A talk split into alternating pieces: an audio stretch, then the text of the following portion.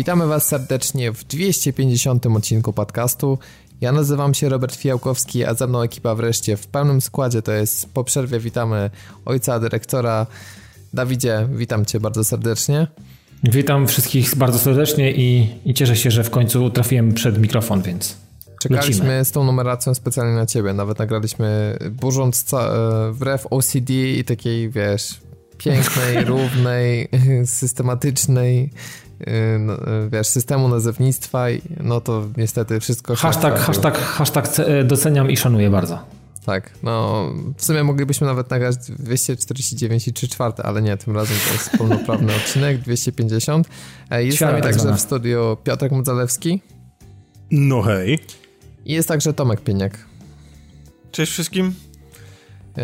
Na szczęście nam się udało połączyć, problemy wszystkie za nami, więc e, możemy chwilę dosłownie poświęcić na to, żeby ucieszyć się z tego numerka, chociaż tak naprawdę to nie jest nasz 250 podcast, ponieważ licząc wszystkie ekstrasy, licząc jeszcze odcinki dla patronów, licząc odcinki jakieś tam E3 Special, Gamescom Special, 249,5, to myślę, że z 10 więcej tych odcinków pewnie by się pojawiło, jak nie więcej nawet. No myślę, że tak, myślę, że to tych, tych, tych korowych odcinków, tych takich głównych, te, które faktycznie numerujemy, bo tak jak mówiłeś, tych ekstrasów, tych jakichś pobocznych e, aktywności e, jest, jest na, pewno, na pewno więcej i na pewno jest to bliżej 260, 260 czy tam nawet może 270. Musiałbym to policzyć, albo ktoś, kto jest w stanie to na iTunesie tam sobie zobaczyć, to pewnie to widać dokładnie, bo tam są wszystkie pliki. E, ale niemniej, niemniej jednak e, fajnie, że ta ćwiartka się udała i że jest jednak ta jedna czwarta tysiąca nagrana, więc no super. Tak, i chcieliśmy też e, bardzo Wam serdecznie podziękować za wyrozumiałość, bo mieliśmy chyba najdłuższą przerwę w historii naszego nagrywania. Oj tak. Tak się, tak się zdarzyło, że nałożyły się remonty, wyjazdy, problemy techniczne, problemy ze znalezieniem wspólnie wieczoru do nagrywania. Życie się po prostu nałożyło. Dokładnie, dokładnie, dokładnie tak jak powiedziałeś Tomek, życie tak, po prostu. Dokładnie, takie życie na pełnej, ale staramy się, jesteśmy, nagrywamy, także zajawka nam nie mija, więc też dzięki, że odebraliście to tak bardzo wyrozumiale i nie czujemy presji, tylko nagrywamy, bo chcemy. To myślę, że to jest ważna rzecz i to jest e, coś, co widzę szczególnie po youtuberach niektórych, którzy sobie na przykład zaczynają mm, nakładać specjalnie na siebie jakby takie łańcuchy i sami się strasznie muszą biczować do tego, żeby coś robić, bo, bo widzą ogromną presję po prostu z tego tytułu. A... No ale wiesz, ta presja wynika trochę z tego, że to są ludzie, którzy z tego żyją. Dla nich to jest źródło dochodu. Jak całe swoje życie poświęcają temu, to jest dla nich praca i ludzi... No trochę ludzie... tak, no trochę tak. No chociaż nie wszyscy Dla nas jest chyba po prostu pasja. No, nie, no nie, no ale mówi, tutaj ja wiem o kim, o kim mówisz, mówisz o Angry Joe, prawda? No to jest jakiś jeden z, przy, z przypadków, ale jeszcze widzę i na polskim internecie nawet u takich ludzi, co zajawkowo robią materiały, materiały także to jest, to jest też kwestia społeczności, charakteru, kwestia projektu danego, kwestia tego, jak żywiołowo reaguje społeczność. No jednak podcast ma to do siebie, że powiedzmy, że jest nieco większy dystans, bo nie każdy, kto aktualnie słucha teraz, na przykład jedzie w samochodzie, to będzie mi się chciało komentować, więc to jest ta rzecz, z którą jakby podcasty zawsze będą się borykać. Niemniej jednak... Nie no wiesz, zawsze można powiedzieć taką głupotę, że się zbulwersuje i zatrzyma. No tak, albo wjedzie w słup na przykład. Albo, tak. albo w kartony. Dokładnie. Nie polecamy. Tam, po, tam podobno znowu ktoś w M jak miłość dostał kartonem, kurwa, no. Tak? O, to muszę no, tam po prostu dzieje się grubo tam po prostu. Nie tylko u nas się dzieje grubo. No, ale wiesz, mieć tyle odcinków podcastów całym jak miłość to już jest rzecz, nie, myślę, że nie do zrobienia. Nie, myślę, że to jest, po, znaczy nie wiem, czy to jest ponad za naszym zasięgiem, ale, ale nie wiem, no. Zresztą nie wiem, ile tam jest nawet tych odcinków, ale zrozumiem, że to idzie w tysiące, nie? Więc jakby... W tysiące, jak nie dziesiątki tysięcy. Albo dziesiątki tysięcy, więc jakby to jest okej, okay, no. Nie wiem, czy nas czeka. Tak, natomiast w nie. tysiące nie idzie póki co nasz Patronite ewentualne przejście do, do kolejnego. Niemniej jednak planujemy trochę odświeżenie, bo, bo trochę tam mniej się ostatnio działo, to jest też naturalna rzecz przez wakacje i to jest jakby myślę, że... Znaczy trochę Robert oszukujesz, nie? Bo tr trochę nazbieraliśmy, nazbieraliśmy w tysiącach, no. tak, no tak, nazbieraliśmy w tysiącach i to nie tak, że wszystko jest przejedzone. Ostatnio robiłem jakieś tam właśnie sprawdzenie, ile tam zostało i ostatnio nawet nową rzecz zakupiliśmy. To wytrawne oko zobaczy, że są nowe przejścia w czwartym sezonie Gościa Niedzielnego. Yy, właśnie zapomniałem tutaj w ogłoszeniach parafialnych, że jest już, są dwa odcinki czwartego sezonu. Yy, także wróciliśmy na pełnej, mamy już dwa odcinki i zobaczcie na, na nowe przejścia. Myślę, że było warto. Jest, jest ich kur... jest straszna ilość kombinacji, bo tam jest 70 wejściowych i 70 wyjściowych sekwencji, więc jeszcze się uczę, no, które, które są w, najfajniejsze, ale już jedno na intro w tym odcinku weszło, nie? To nawet Piotr coś tam mi pisałeś, że tak, na intro, na intro weszło fajne, także zwróćcie na to uwagę, jak będziecie oglądali, chyba że już oglądaliście i nie zwróciliście uwagi, to wtedy to zobaczcie jeszcze raz. sprawę. Dokładnie. W ten sposób my sobie najmiemy wyświetlenia i, i fame, a wy zobaczycie fajne przejście, więc win-win situation po prostu. 1312 odcinków jest tak przy okazji. Tak, i nie powiem jeszcze, jakie, jakie jeszcze Tam osiągnięcie zrobiliśmy w pierwszym odcinku czwartego sezonu, dlatego że gdybyśmy powiedzieli, to ono już przestałoby być osiągnięciem, bo ktoś by nam zrobił na złość. ale, ale, mogę tylko powiedzieć hashtag pozdro dla kumatych i myślę, że nawet z tego opisu można się domyśleć o co chodzi. To już, już przegraliśmy, Robert. Myślisz, że to już jest... już ktoś będzie wiedział. Już ktoś będzie wiedział, wbije się i, i tak to się tak, skończy. Czyli to nie forma, tylko to powrót z wakacji, tak po prostu tutaj ma, ma znaczenie. No ale dobra, to może... No oczywiście, no musimy robić częściej po prostu dwumiesięczne przerwy i wtedy, wiesz, wtedy się będzie zgadzało. No ale na razie, jeżeli mielibyście pytania, to planujemy czwarty sezon pociągnąć do świąt. No tak zrobiliśmy też i w zeszłym roku, potem będzie przerwa noworoczno-świąteczna tudzież świąteczno-noworoczna, jak to woli. Nie wiem, to jeszcze zobaczymy jak to wypadnie, bo o ile się nie mylę, któryś z poprzednich sezonów miał po prostu ciągłość zachowaną i był od wakacji do wakacji, więc jakby, no zobaczymy jeszcze jak to wyjdzie w praniu. Zobaczymy. Ja wiem, że planuję jakiś taki całkiem solidny urlop, bo w, w, wiem, że już rozkminiałem, że e, świetnie są ułożone święta i Sylwester w tym roku, że wystarczy wziąć 3 dni, żeby mieć wolne od świąt do, do 2 stycznia, więc... I co, i będziesz wyjeżdżał?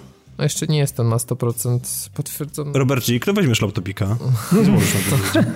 Słuchaj, panie, takie, taka jakość te przejścia to się nie wyrenderują. Już dzisiaj miałem jakiś błąd. Na MacBooku się nie wyrenderują. Weź, uważaj, bo ci zaraz powieszą zanosienie wody po prostu. No. Słuchaj, ja MacBooku, próbowałem 4K montować na MacBooku i to jeszcze na... na... Jak, jak pójdziesz do Starbucksa, to się zmontują, bo to, wiesz, wtedy moc się podwaja MacBooka w Starbucksie, a jak jeszcze jesteś na internecie z iPhone'a, to jeszcze, to już w ogóle, te moce się kumulują i dzięki temu wszystko ładniejsze jest i lepsze i szybsze. To jest tak jak premie literowe w Scrabble po prostu. Skacze ci w górę jak głupie.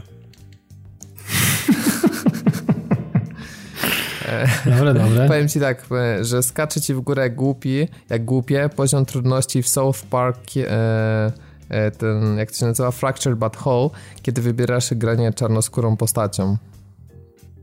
Bo... No, słyszałem, że jakiś kwasa to był. Oczywiście tak. słyszałem to, czytałem i ten kwas oczywiście po, po, pochodzi z poligonu. Znaczy to nie jest kwas w ogóle, bo ja, ja myślę, że śmiało to trzeba nazwać, że to jest e, zabieg marketingowy, bo nagle wszystkie portale załapały i więcej się mówi o South Parku niż przy okazji jakiegokolwiek trailera informacji.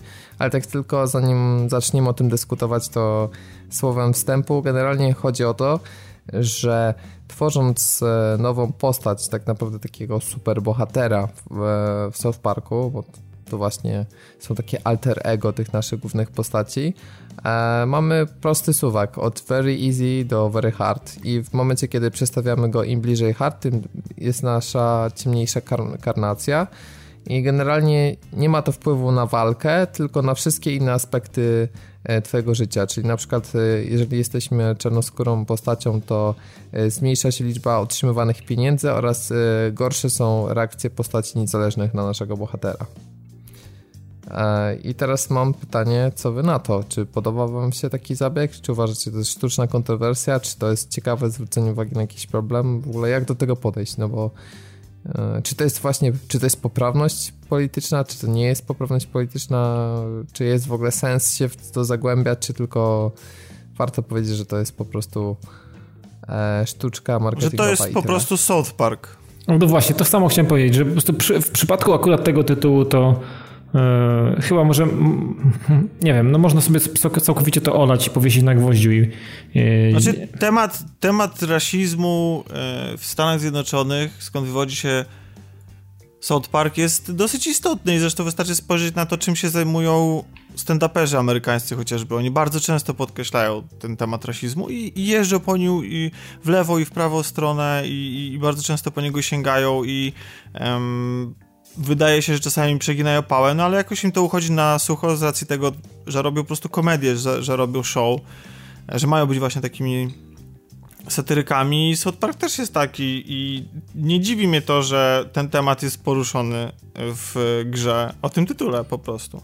A czy w jaki sposób jest poruszony, e, to już inna sprawa, bo zdarzają się głosy, że jest to że może, by, że, że może być to rozumiane właśnie opacznie, bo, bo tak naprawdę gdyby ktoś chciał, był y, czarny i chciał grać y, w łatwiejszą grę, to znowu się go tak jakby drugi raz każe za, za, za kolor skóry, bo y, nie może grać kimś, z kim załóżmy łatwiej byłoby się utożsamić. Ja tak samo i... biały nie może zagrać, e, jeżeli chce grać na very hard, to może się gorzej utożsamiać, jeżeli gra czarnoskórym. Nie? No, no, no czy wiesz, no to jest utożsamienie się z dwoma kreskami na krzyż, no ale jeżeli dla kogoś jest to istotne, tak, jest to w jakiś tam sposób ograniczenie, no i tak naprawdę ciężko się o tym wypowiadać z punktu widzenia Dokładnie. mieszkającego no, w Polsce białego e, człowieka, no więc e, tak naprawdę głos w, tym, w tej sprawie powinni zabierać czarni i, i biali ewentualnie, tudzież o, o,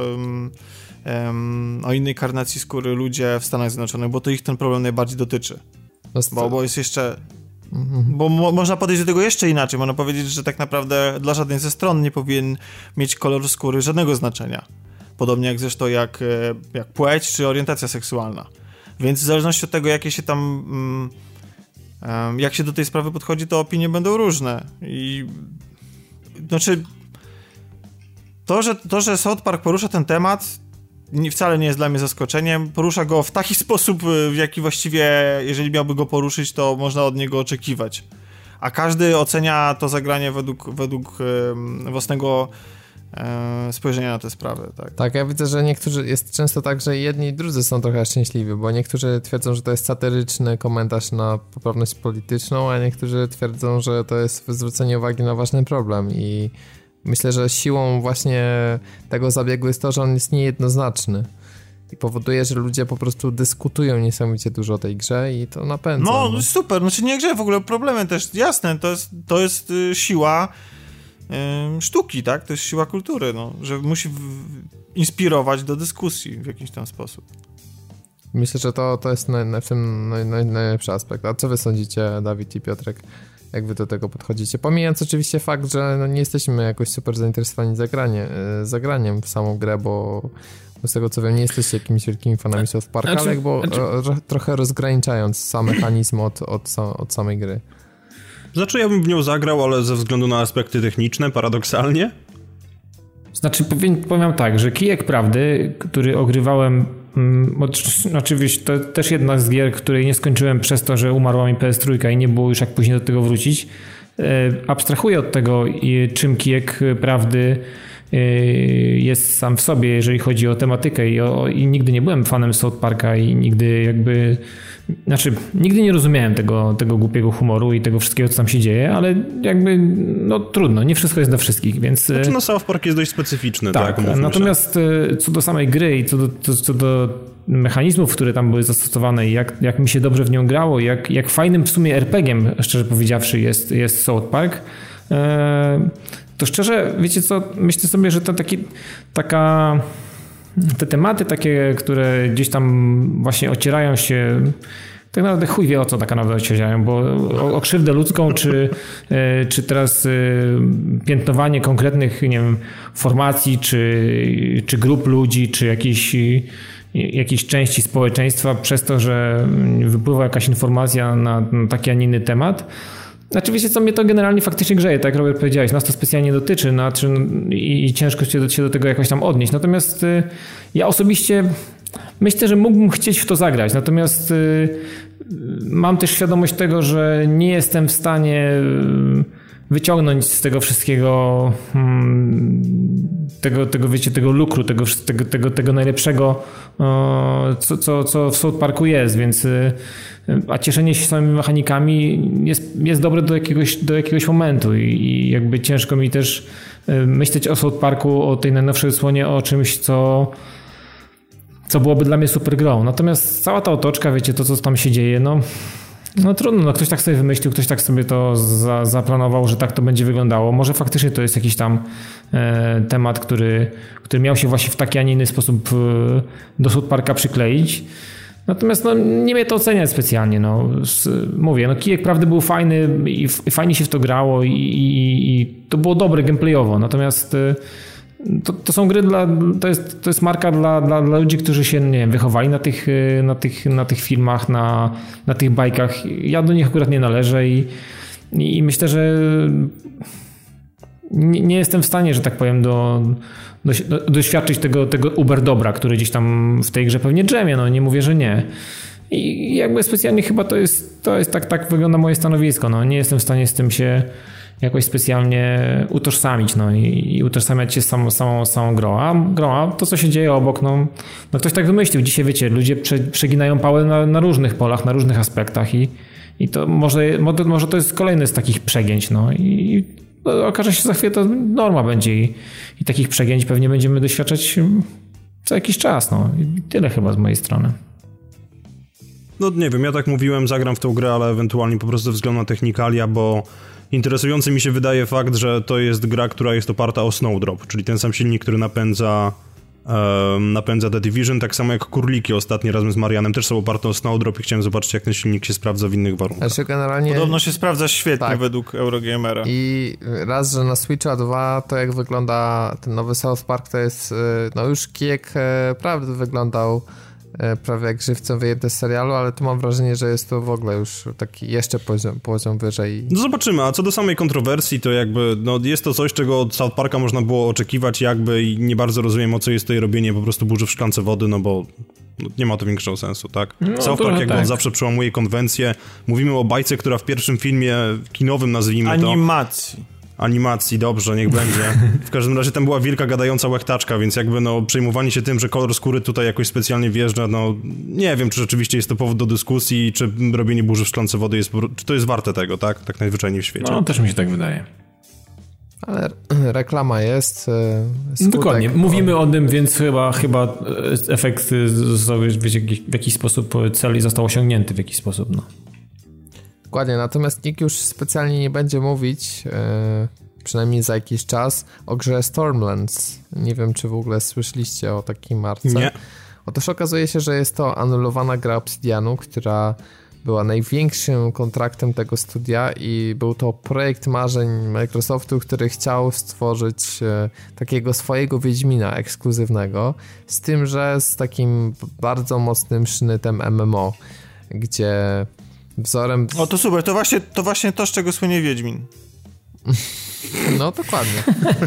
No, no weź, tak. Microsoft... Ty MMO, MMO Questy, Grind, tak, rajdy, wspólne ustawki, jasne. To jest właśnie to, za, za co ludzie pokochali Wiedźmina. Plan był doskonały, jak prawie wszystkie decyzje Microsoftu w tej generacji. Tylko właśnie... Mi się wydaje, że osoba, która to pisała, nie przeczytała ulotki z lekami, bo powinien brać je razem z jedzeniem, a nie przed, albo zamiast, bo to... To był projekt, który powstał przede wszystkim nie na Matrika, wiecie, i, i tego, że chmurami Chyba, że... Microsoftu wszystko opierdzieli. Ale to wtedy jeszcze nie było Wiedźmina. Nie było. Znaczy trójki. No znaczy trójki, tak, tak. Więc chyba nie bardzo było się na czym wzorować, więc ktoś, ktoś kto pisał tego newsa chyba sobie po prostu nie ogarnia. Nie ogarnął i sobie wy, wyciągnął to porównanie. A to ja specjalnie powiedziałem, żeby trochę, trochę jakby do dyskusji was e, zaprzęgnąć. Natomiast w książce, z której pochodzi jakby ten opis, jest e, cytat e, szefa Obsidianu, który użył Wiedźmina jako porównanie że to jest tak, jakbyśmy grali Wiedźmina z kolegą, co jest oczywiście skrajnym uproszczeniem, więc... E, no tak. Znaczy, pretensje do... Znaczy to w ogóle jest kompletnie No tak, no to pretensje do pana Feargusa Urkharta. Uruk, Uruk. Mi, się wydaje, mi się wydaje, że to jest ten... że Wiedźmin wskoczył na tą taką półkę porównań jak Dark Soulsy. Wszystko jest jak Dark, Dark Soulsy, jak jest to chociaż trochę trudne i wszyscy chcą zrobić coś jak Dark Soulsy, a w sferze fabularnej może chcą zrobić jak Wiedźmin. Krótko mówiąc, że Wiedźmin, to jest spoko, nie? Czyli Wiedźmin to są takie adidasy giereczkowa po prostu. tak, można tak powiedzieć. Kurwa. Dark Soulsy to bluza z kapturem i w ten sposób I do tego Adidasy i bluza, bluza z kapturem. No brzmi jak plan. Dokładnie. Nie widzę Wiedźmina w takim stroju, ale no moderzy pewnie już to zrobili. A, a, a już niedługo wszyscy mm, będą nosili dresy e, z napisem PUBG. PUBG, to już... już o, PUBG, PUBG.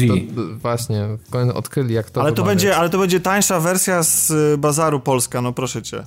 Będzie PUBG. Papu Grzegorza po prostu i masz w skrócie. Papu Grzegorza. Papuk, tak. będzie Pubuk. Papuk.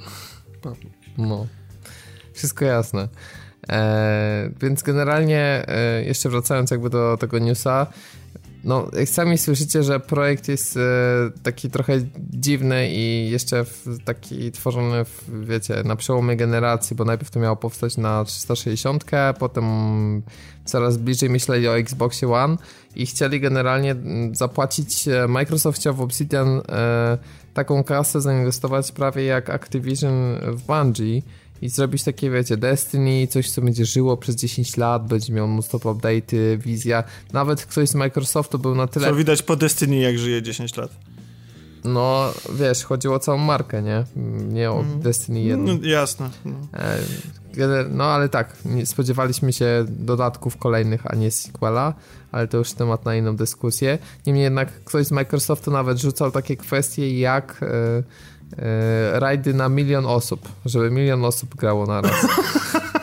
Kurwa. chmura Microsoftu milion troops! Dokładnie. Jak bardzo zjarani byli? Nie wiem. Znaczy, to, że zjarani byli, to na pewno, ale ciekawe czym tak naprawdę. Tu, tu, tu, wiesz, tu już nawet branie połowy nie pomoże, to a raczej nie, tak a, trzeba a było... A nie, nie, nie dorzucił jeszcze do opisu tej gry czegoś z Minecrafta na przykład, że budujesz własne zamki, czy coś takiego? Generalnie. Bo, jeszcze, bo, bo, bo, tam już mamy, mamy już y, mamy już Destiny, mamy Wiedźmina, no to jeszcze by się przydało, mamy MMO, to jeszcze by się przydało coś z Minecrafta, to już w ogóle... Ale wiecie co, to jest w sumie, to jest w sumie interesujące. Wiem, to jeszcze FIFA by tam się powinno no, zmieścić. Ale no, FIFA była taki, taki, wiesz, jak z fabułą, nie? A swoją no, drogą Ale wiecie co, to jest w zasadzie interesujące, bo teraz mamy mowę, czy, czy była mowa, tak? Nie wiem skąd jest ten cytat, czy on nie jest jakiś wyssany palca, ale jeżeli rzeczywiście oni powiedzieli o rajdach na milion osób, to ja się zastanawiam, kto do ciężkiej cholery po prostu wpada na to, żeby mówić takie idiotyczne rzeczy. Bo musieli mieć świadomość, że to jest abstrakcja i po prostu autentycznie ostatnio zaczęło mnie wpieniać to, że są obiecywane gruszki na wierzbie i to nie mówię już o rzeczach, które gdzieś tam są na pograniczu realizmu, a po prostu mówię o takich rzeczach kompletnie wyciągniętych z dupy, bo to jest kolejny przykład tego typu. I skąd to się do ciężkiej cholery bierze? Znaczy, generalnie powiem ci tak, e, e, nie chcieli chyba oczerniać tej osoby, ponieważ w tej książce opisali, tak artykuł na temat tej książki, fragmentu opisuje, że jest to przedstawiciel, producent wykonawczy z ramienia wydawcy. Natomiast e, szef Pan studia Szczęka? powiedział, że patrzyli na to i pomyśleli sobie o Jesus Christ i generalnie nikt w studiu Obsidian nie wziął tego pomysłu na poważnie. To dzięki Bogu. Więc to, to... to, może to jeszcze był Don Matrix, bo w sumie to było, wiesz, to przełom generacyjny. No tak, znaczy generalnie całość projektu y, działa się za czasów właśnie Dona Matrika, tylko co szkoda trochę dla nas, to było mm, bardzo atrakcyjnie wyglądała ta gra i trochę było skrzyżowaniem Assassin's Creed z Prince of Persia. Jezu Chrystus, no, Assassin's coraz, Creed, coraz Wiedźmin... Lepiej, coraz lepiej. Ja się już gubię. To była taka hybryda po prostu, że to nie miałoby pojęcia jaką, jakąkolwiek, z jakiejkolwiek samoświadomości, no. Nie, to tożsamość nie, zostałaby zgubiona. I powinna dostać jeszcze taki ultimate tytuł. Game. The Game.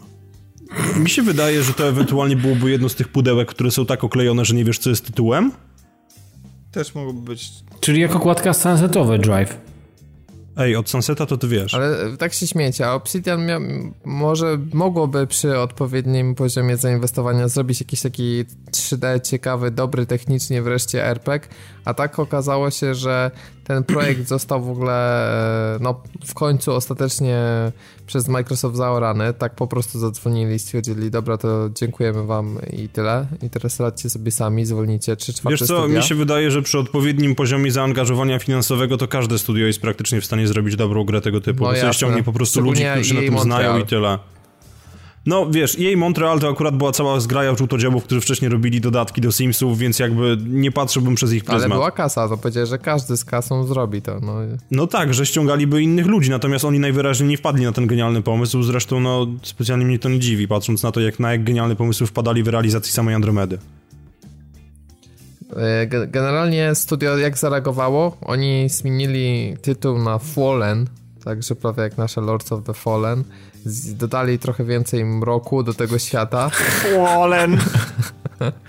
Zgłosili się do Ubisoftu, do 2K, do wszystkich i generalnie nikt nie chciał zainwestować w coś, co wcześniej zostało e, zaorane przez Microsoft.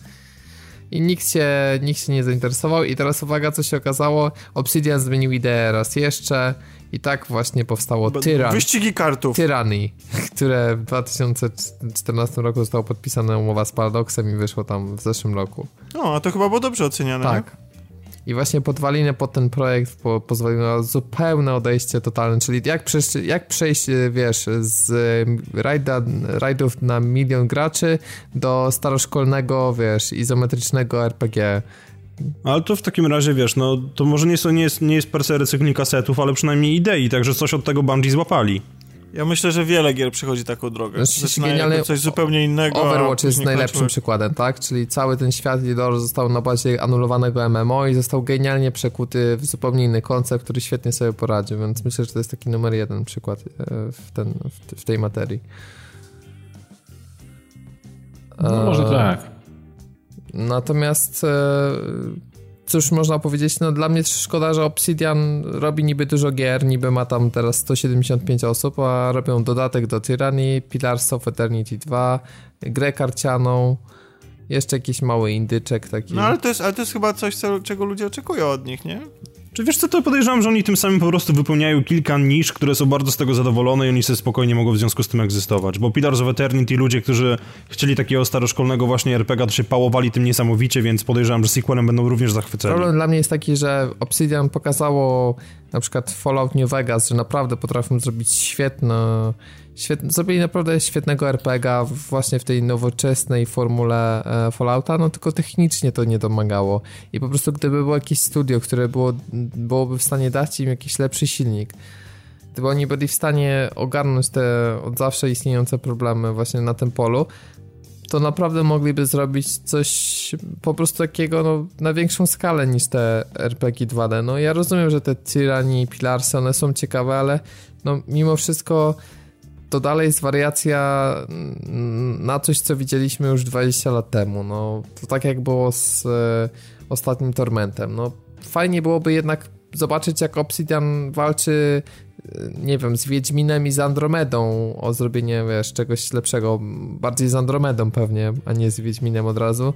No, Z, nie, to nie trzeba walczyć za bardzo z Andromedą. No trzeba najpierw wydać grę, no to to jest, wiesz, To jest jakiś poziom walki, no. dokładnie. Oni też robili przecież tego South Parka pierwszego, nie? No to powiedzmy, że to był ich taki całkiem duży projekt. Chociaż e, o dziwo Ubisoft nie przedłużył z nimi umowę i sami robią ten nowy już wewnętrznie. No i zresztą robią na lepszym silniku, więc mówię, Obsidian to zawsze miał pecha do tej technologii. Więc nic, no myślę, że na, na jakiś czas musimy w ogóle porzucić nadzieję, że Obsidian będzie takim studiem, które będzie robiło, bo takich RPGów e, 3D dobrych, no nie ma za dużo, no to jest, to jest trochę ten problem.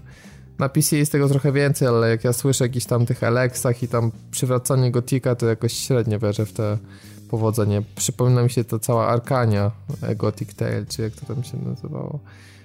Ja wyparłem to z pamięci i proszę nie przypominaj mi, bo ja Gotika bardzo lubiłem i to był powód, dla którego bardzo mocno przestałem. No, więc właśnie.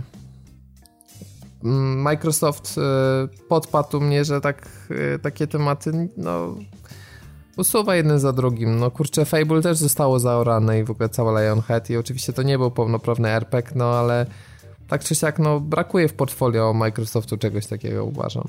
I, I, szkoda, że tego nie ma. No bo zawsze można powiedzieć, że Sony ma jednak tego Horizona, który no, nie jest takim stuprocentowo rasowym RPG-iem, ale no, na pewno jest bliżej niż, e, niż to, co jest, wiecie, no Gearsy, Forza, Halo nie są w tym gatunku i bardzo bym chciał, żeby Microsoft zrobił jakiegoś exa właśnie takiego w, tych klimatach i po prostu szkoda, jak przeczytałem historię, że no niestety, ale podzieliło to los właśnie Fable'a 4, a tej wspaniałej gry, na którą żeśmy tak czekali od, e, Boże, jak ona się nazywa, gościu ze słuchawkami na głowie. Scalebound. właśnie. Nie, no, żałuję, że mi to przypomniałeś. E, natomiast e, gier RPG nie ma, ale oczywiście Crackdown 3 dalej jest robiony i czekamy na wspaniałą produkcję, która po prostu wyrwie z czapy i to czeka najpewniej chmurę uruchomią, to wtedy będziemy, wiesz. Tak, natomiast co jeszcze się nie będzie potrzeba uruchamiać chmury do remastera LA Noir, który... Oj, jeszcze nie wiesz. No, który się pojawi i to całkiem blisko, bo 14 listopada i który zdaje się, że był już w plotkach od lutego, marca, już wtedy jakieś pierwsze informacje, znaczy pierwsze na razie plotki pojawiały się w internetach i co się okazuje, będzie nie tylko wersja na PS4 i Xbox One, ale będzie też 7 specjalnie przerobionych śledztw na HTC Vive oraz będzie również wersja na pstryka, jak to mówi e, Tomek. E, I teraz pytanie dla ciebie Tomku, jako posiadacza tej konsoli, czy będziesz grał w LA Noir na Switchu? No jasne. Ja tej gry nie skończyłem, i wydaje mi się, że jej formuła idealnie pasuje do konsoli hybrydowej. Ja zresztą już kiedyś powiedziałem, jakakolwiek gra by nie wyszła, to i tak zawsze dla mnie smakować będzie lepiej w tej właśnie formie, gdzie mogę grać i stacjonarnie, i, i niestacjonarnie. I, i, to jest super. Znaczy, jeśli dotyczy gier, w które jeszcze nie grałem. Teraz właśnie się dowiedziałem, że będzie Revelations e, Resident Evil 1 i 2 też przeportowane na Switcha. I jedynkę co prawda już skończyłem, ale dwójki jeszcze nie miałem okazji, mimo tego, że mam ją i to nawet na dwie platformy. I kurde, no super, no będę chętnie, fajnie mieć ją na, na, na trzecią również I, i właśnie tam ją właśnie skończę w takiej, w takiej właśnie formie. I to jest, y, każdą inną grę przyjmę z otwartymi ramionami. To... Nieważne czy remake, czy remaster, jeśli do tej pory jeszcze nie grałem, to... Podobno zresztą w ogóle twórcy Indie się hurtowo rzucili do portowania na Switcha, na którego się fajnie portuje, który ma zasoby mocy im potrzebne i więc jest y, też okazja do tego. Oczywiście minusem tego wszystkiego będą ceny, bo te same gry, które dostaliśmy w tej czy w poprzedniej generacji, teraz zapewne są dużo tańsze niż y, to, za ile się ukażą na Switchu. Nie? Tak, zawsze jest 10 dolarów więcej. Właśnie Rockstar tłumaczy to, że są drogie y, nośniki pamięci. No, coś może w tym jest, może Nintendo chce więcej pieniędzy, może za licencję, może coś tam. Dla mnie fakt istnienia tej gry na Switchu mimo tego, że to nie jest e, oceniana gra jakoś super wysoko i ludzie mają do niej dużo zastrzeżeń, to i tak wydaje mi się, że ta formuła, czyli prowadzenie tych śledztw, przeprowadzenie rozmów, idealnie się nadaje do tego, żeby się walnąć na kanapie, czy przed sobie po prostu rozwiązać jakąś jedną sprawę, czy coś takiego. Tak, no ta gra, myślę, zgadzam się z tym, że ona super pasuje. Zresztą nawet sam koncept GTA przenośny jest e, też w sensie ogólnie takie gry, gdzie się jeździ z otwartym światem, bo jak jest Lego City Undercover, ale przypominam sobie, e, przecież na 3DS-a była Chinatown Wars wersja, czy to była na zwykłego, przepraszam, DS-a, a z kolei na PSP mieliśmy Vice City Stories. E, i Liberty City No Stories. tak, ale, ale Rockstar nie zrobi tego drugi raz, bo oni, ta wersja na 3DS-a się fatalnie sprzedała. To w ogóle nie jest publika nie, wtedy nie była publika kompletnie Rockstara. Poza tym teraz, poza tym Switch nie pociągnie GTA 5 w żaden sposób. No, to, to, to, jest, to, to jest... No nie wiem, w sumie zakładam, że, że nie jest to możliwe. No, chociaż z drugiej strony Wiem, no pewnie oni są jakimiś magikami od technologii, więc może by to się jakąś udało zmieścić. To grę. jest test. Zobaczymy jak Alienware się sprzeda, remaster. Myślę, że to jest taki rodzaj sądowania w miarę bezpiecznego pod kątem tego, czy dalej inwestować w platformę bo duzi wydawcy raczej tak działają, tak samo jak EA. Ale prędzej bym się, prędzej by się doczekał kolejnego Bulliego, o którym są jakieś różne przecieki gdzieś tam tu i ówdzie, słychać niż GTA na Switchu. Tak, myślę, że tak. Chyba, że GTA by dostało jakieś, że tylko online jakiś taki na zasadzie, że okrojony nieco, a nie, że pełnoprawna odsłona po prostu GTA 5 przeniesiona na, na pstryka. I w sumie nie byłoby to chyba sensu E, myślę, że jeżeli już naprawdę by się szarpnęli, to może zrobią jakiś, jakiś spin-off. E, no ale mówię, teraz się... Ja myślę, że, że, że Rockstar mm, będzie stawiał coraz bardziej na online. Tak, i... więc, więc e, to, się, to się pewnie nie zadzieje. Wracając jednak do samego Lane Noir, ja się tą grą, jak to na gościu niedzielnym określił Piotrek, niezdrowo jarałem, bo Pamiętam, że kupowałem ją na premierę, żonglowałem tymi trzema DVD-kami na Xboxie 360, bo pamiętam ten fakt, że właśnie gra zajmowała tyle miejsca, że no niestety jak się grało na, na Xie to trzeba było w, w żonglować. E, natomiast o, on... Ale to miałeś tak jak, przepraszam, że ci przerwę, jak na Amidze z Mortal Kombat, że przykład masz rozmowę, ale rozwią- na przykład zadajesz pytanie na jednej płycie, wkładasz drugą płytę i doczytujesz odpowiedź kogoś? Prawie, że. Zresztą nie, to było chyba tak zrobione, że po prostu kończyła się jakaś misja i miałem gdzie dojechać do kolejnej i oczywiście Open World jakby działał na wszystkich płytach, ale żeby odpalić tego questa to trzeba było zmienić płytę numer 1 na numer 2. I... Srogo, srogo. Ja się tylko uściślę, że w Mortal Kombat na Amidze trzeba było um, dogrywać fatality. No, no cóż, no. Czasami tak było. Tutaj Czasami trzeba tak było, żeby staruszkę okrzyczeć, że to ona pewnie jest winna, to też trzeba było włożyć z drugiej i wtedy się odpalała, wiesz, odpowiedź.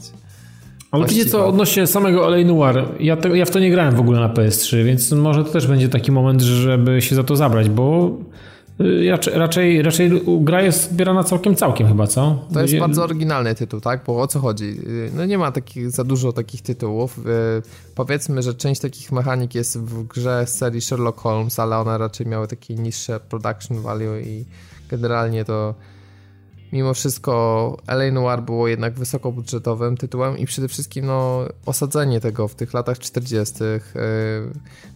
Świetne było jakby ta cała nie wiem, czy tam dosłownie powiedzieć podróż, czy przygoda, ale na zasadzie takiej, że jesteśmy na, do różnych działów e, w policji przerzucalni, że tu raz awansujesz po prostu jako policja. Ale potem raz awansujesz, a raz coś spieprzysz i dostajesz e, w drugą stronę, czy awans boczny, czy wręcz degradację. E, sprawa jest ta, taka, że niby to się wszystko nie łączy, a potem się zaczyna łączyć. E, sam fakt, że po prostu przyjeżdżasz e, sobie samochodem na miejsce zbrodni, nagle oglądasz te dowody, zapisujesz notatki, zadajesz pytania. No i jest to coś takiego po prostu bardziej oryginalnego i oczywiście nie każdemu się to spodoba, bo ktoś może powiedzieć, ale nuda, bo nie ma za dużo strzelanin, pościgów i że to nie jest właśnie GTA. No ale GTA klonów to też było trochę, poza tym jest samo GTA, które jest najlepszym GTA. Ale to jest, to jest przy, przygodówka, nie open world gangsterski, no to jest, to ono polega na prowadzeniu śledztwa, nie na tym, żeby się ostrzeliwać, napadać na banki. Dokładnie, z drugiej strony jednak daje ci dużo bardziej gameplayowej swobody niż takie gry od Telltale, które też mogłyby... No tak, ale czy ona jest tak naprawdę tam potrzebna? Serio, naprawdę trzeba było jeździć po tym mieście w open worldzie? No tak naprawdę to, to ja tą chwilę, co grałem, kilka śledztw rozwiązałem, to jakoś niespecjalnie to ja mnie jeździłem, bo mi się miasto mówiąc. bardzo podobało. no tak, no, ale, ale ono było puste i ono nie oferowało żadnych atrakcji typu GTA, więc tak naprawdę ona gdyby wyszła właśnie w formie takiej okrojonej, bez tego segmentu, to może byłoby dla niej nawet lepiej. Nie wiem, czy byłoby lepiej. No, ja nie jestem w stanie obiektywnie ocenić, bo to samo było z Mafią dwójką, że wszyscy krytykowali, że po co jest to miasto i po co jest jeżdżenie na misję, skoro tam prawie nic nie ma.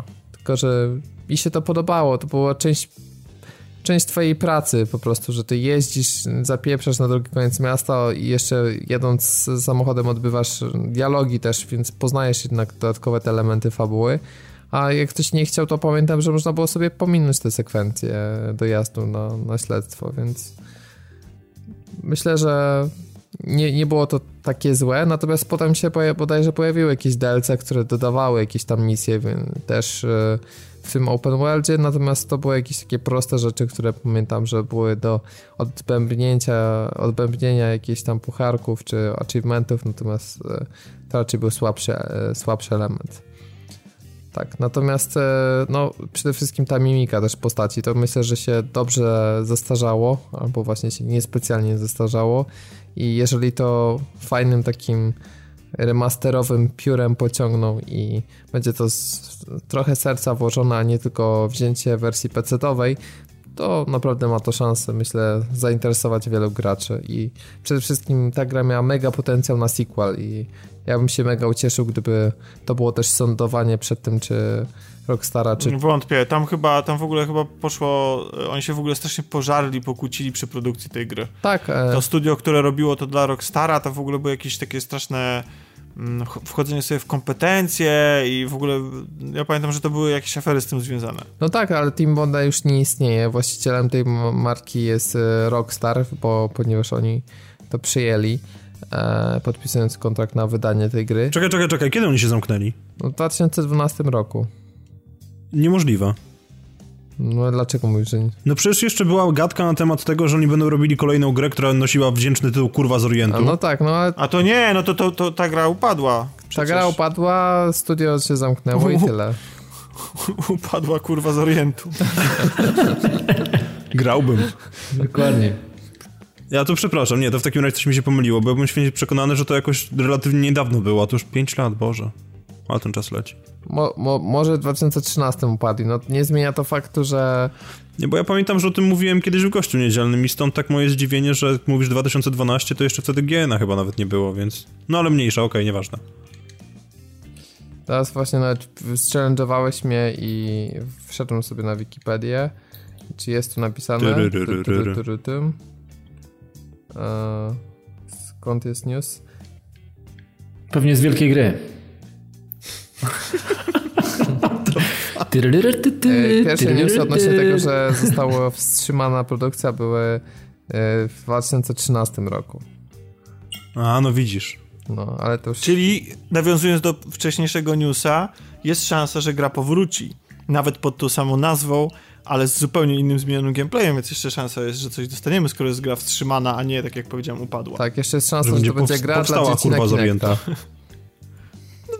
no to by było dobre, jakby teraz wyszła jakaś gra na Kinecta, powiem ci, kupiłbym Kinecta, żeby pogratulować odwagi deweloperowi i wydawcy, naprawdę. And this is how you caress breasts. Nie, za, nie zapominajmy, że świetnie nadaje się do tego też Nintendo Switch i które zresztą niektóre minigierki Nintendo pokazywały szczególnie. Tak, zwłaszcza, zwłaszcza e, do gier o kurwach, no. Ale wiesz, to wpisywałoby się w trend poprawności politycznej. Nie, no ale, ale może to, to chyba miało być właśnie taki coś e, sandbox, prawda? Czy strzelanina, o ile, o ile pamiętam. Wiesz, pamiętam, że wrzucili, aspektem fabularnym. Wrzucili jeden screenshot, ludzie się zajarali i mm. generalnie... No nie, no w ogóle to, bo to był oryginalny setting i, i szkoda właściwie, że, to, że, to, że ten temat został niepociągnięty. Bo on, oni może chyba nie, nie, nie znaleźli wydawcy? Chyba coś takiego, bo już nie pamiętam, teraz nie chcę zmyślać, ale, ale tak, ale ona się zapowiadała po tym screenshocie jednym, jak gra. Ona to... się zapowiadała. Tak. Kurwa z Orientu się zapowiadała doskonale. Dokładnie. E, no i nawet jest do znalezienia w internecie dłuższa historia na ten temat e, i wywiad z gościem. No i w internecie to można wiele rzeczy e, znaleźć. natomiast... Zwłaszcza w, w tym temacie i o tym tytule. Dokładnie. No cóż, trochę się pożali, mm, rozbieżna wizja, brak kasy, no i te wszystkie rzeczy doprowadziły do... Ciekawe na co wydali tą kasę. Na, na research. Na badania, badania terenowe. tak, na research. Generalnie jeżeli by było pod zakończenie tego, e, tej informacji, czy, czyli już nigdy nie zobaczymy tej gry, myślę, że nie. To jest podsumowanie smutne tej, tej całej historii. E, także, no cóż, trzeba zapomnieć o... Roberta, ty, ty rozumiem, że będziesz kupował L.A. Noir? Znaczy, zobaczysz znaczy, ja, cenę, ja się, nie? No ja bo... się zastanowię na pewno. No właśnie, to też jest jakby ważny Jeżeli wyjdzie to za 200 zł, no to trochę przesada by była, nie? Znaczy, wiesz, biorąc pod uwagę, że ja podejrzewam, że oni tam jednak sporo pracy będą musieli włożyć w to, żeby to, chociaż w zasadzie nie mają wersji PC-towo do no przetestowania. Właśnie. Także Wiesz co, nie ma trailera, to mnie zdziwiło, nie? Bo zapowiedzieli grę i pokazali okładkę. Tak, to jest dziwne. To jest dziwne, bo no, to nawet nie jest okładka, to jest po prostu coś, co wygląda jak jakiś plakat dosłownie i ja właśnie szukałem materiału niedzielnego. Znaczy, nie, nie, wiesz, ja broń Boże nie, nie twierdzę, że to jest kiepskiej jakości, natomiast no spodziewałem się, że jednak powstanie jakiś zwiastun, no bo ostatecznie jaki to jest problem niby, więc trochę tak się zaczynam zastanawiać, kiedy ta gra rzeczywiście wyjdzie, bo może oni tak sobie rzucili ten 14 listopada, a potem się okaże, że to jest przyszłego roku. Ale wiesz co, yy, okazuje się, że to będzie też jednocześnie okładka, ponieważ widziałem, że pojawiły się już w internecie Aha, czyli będzie dużo napisów na okładce, no doskonale, no. Tak. To jest wykładnik dobrej gry. E, po, nawet wam teraz wklejam na powiedzmy, że na Discordzie, żebyście sobie zobaczyli, e, że jest ten napis e, available in ultra high definition na okładce. Także... No tak, no bo na PS4 Pro i na Xbox One X będzie chodziło w 4K, teoretycznym. Tak. Ale sama okładka jest sensowna i klimatyczna, więc mi się osobiście podoba. Sam font, co jest bardzo ciekawe, że przy okazji remasterów raczej nie zmienia się fontu, natomiast w tym przypadku został całkowicie zmieniony. Ja myślę, że to kompletnie zmieni odbiór gry. Wiecie co, pomyślałem sobie, że, bo zastanawiam się, ponieważ teraz Rockstar stawia pewnie na online, zastanawiałem się, jak można do takiej gry zaimplementować online. Oczywiście to musiałby być taki online tak w realu, który by pozwalał na robienie takich głupot i kupowaniu ciuchów i Nie, to musiał być jak PUBG, różnych streamów. Że trafiasz do, wiesz, wielkiego LA i teraz wszyscy muszą tak. przepytywać staruszkę, jak kto pierwszy wsadzi tą właściwą do więzienia. Dokładnie, ale, ale pomyślałem sobie, że świetnym multiplayerem byłoby w czymś takim, gdybyś, gdybyś losowo wybierał, czy jesteś gliną, czy, czy jesteś e, sprawcą, powiedzmy, a, albo na przykład jeszcze by do tego byli jacyś świadkowie i by się działa jakaś, ta, jakaś rzecz, po prostu i ty byś miał przydzieloną rolę i byś musiał y, się stawiać na przesłuchanie i byś musiał wybierać odpowiedzi.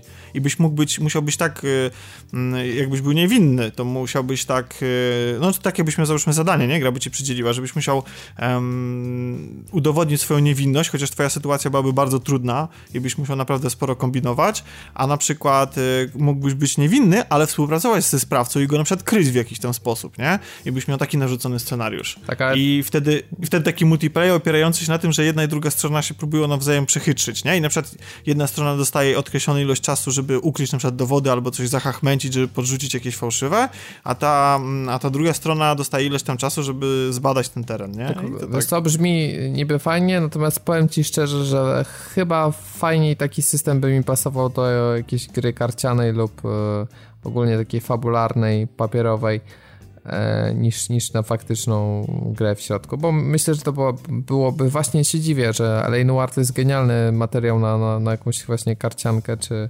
czy planszówkę, a tymczasem nic takiego chyba nie wyszło. No to się, to się chyba nazywało y, Mafia, czy coś takiego i się grało w to za pomocą zwykłych kart, nie? Mhm. Że tam ty jesteś policjantem, sędzią, czy... To, czy dużo, tak, dużo i tak dalej. Tego typu. Mhm. Tak, tak, no ale wiesz, to można było wykorzystać też ten setting klimatyczny i oprzeć się o jakieś tam postaci i tak dalej, to zawsze to jest jakaś dźwignia, nie, do... Nawet jeżeli system jest już e, wykorzystywany. Także no zobaczymy, no ja się osobiście cieszę, że, że to powstaje, e, natomiast jak to ostatecznie wyjdzie, to już, e, to już zobaczymy. Ja nie wiem, ja nie skończyłem tego na PS3. Nie wiem, czy w ogóle usiądę do tego na PS4, bo jakoś, no, nie porwało mnie to specjalnie. Fajnie było zobaczyć, że w roli barmana w jednym z barów jest barman z How I Met Your Mother. Wow, bo to były właśnie tego typu czasy, ale na ogół jakoś specjalnie mnie to nie ruszyło. Rozumiem. Natomiast mnie całkiem ruszyło Uncharted Lost Legacy, które myślę, że... Ja się stary nie dziwię, tam jest Chloe, więc no... O Jezu, Team Alena, koniec. No, no nie, ja, ja nie mogę ci zawsze byłem Team Chloe. To nie jest taka sama Chloe jak w poprzednich częściach Uncharted. Oni trochę ją zmienili mimo wszystko właśnie. Ale, no, ale źle ją zmienili? Nie wiem, czy źle, no ale jakoś tak zrobili zdecydowanie tak, żeby ją nie wiem, odseksualnić na tej zasadzie, że ona w tej chwili, no bo o co chodzi? Ona e, nie wchodzi w żadne interakcje z podtekstem seksualnym, ponieważ przez znaczy stała się lesbijką, tak? W tej części? nie, ale chodzi o to, że spędza czas i wspólnie przygody przeżywa z Nadine, czyli z no, wiem, z antagonistek. Z... Co to, przepraszam bardzo, jak to stoi na przeszkodzie? To o South Parku będziemy gadali w tym kontekście, a tutaj nie? Znaczy ja nie chcę spoilować fabuły tej gry, po pierwsze, dlatego ja, ja nie chcę tutaj nikogo nastawiać, czy jest lesbijką, czy nie jest lesbijką, natomiast chodzi mi o ogólny charakter i wymowę tej opowieści. E, oczywiście są okay. jakieś tam zaczepki i bardzo super nawiązania do poprzednich części. Opowiem wam o jednym. Mam nadzieję, że mnie ludzie nie zabiją za to. E, o jednym nawiązaniu. Mianowicie e, w prologu e, czy w jednej z początkowych misji w Lost Legacy używamy tych słynnych z Uncharted 4 tych wózków takich, które w, mm, pomagają nam, żeby wspiąć się na wyższą półkę. To było bardzo krytykowane w Uncharted 4, nie wiem czy pamiętacie. Tak, bo to było strasznie głupie, no ale okej. Okay. No więc za pierwszym razem to robimy, podsyłamy i tam Nadine mówi, o ale super, wygodny patent, nie?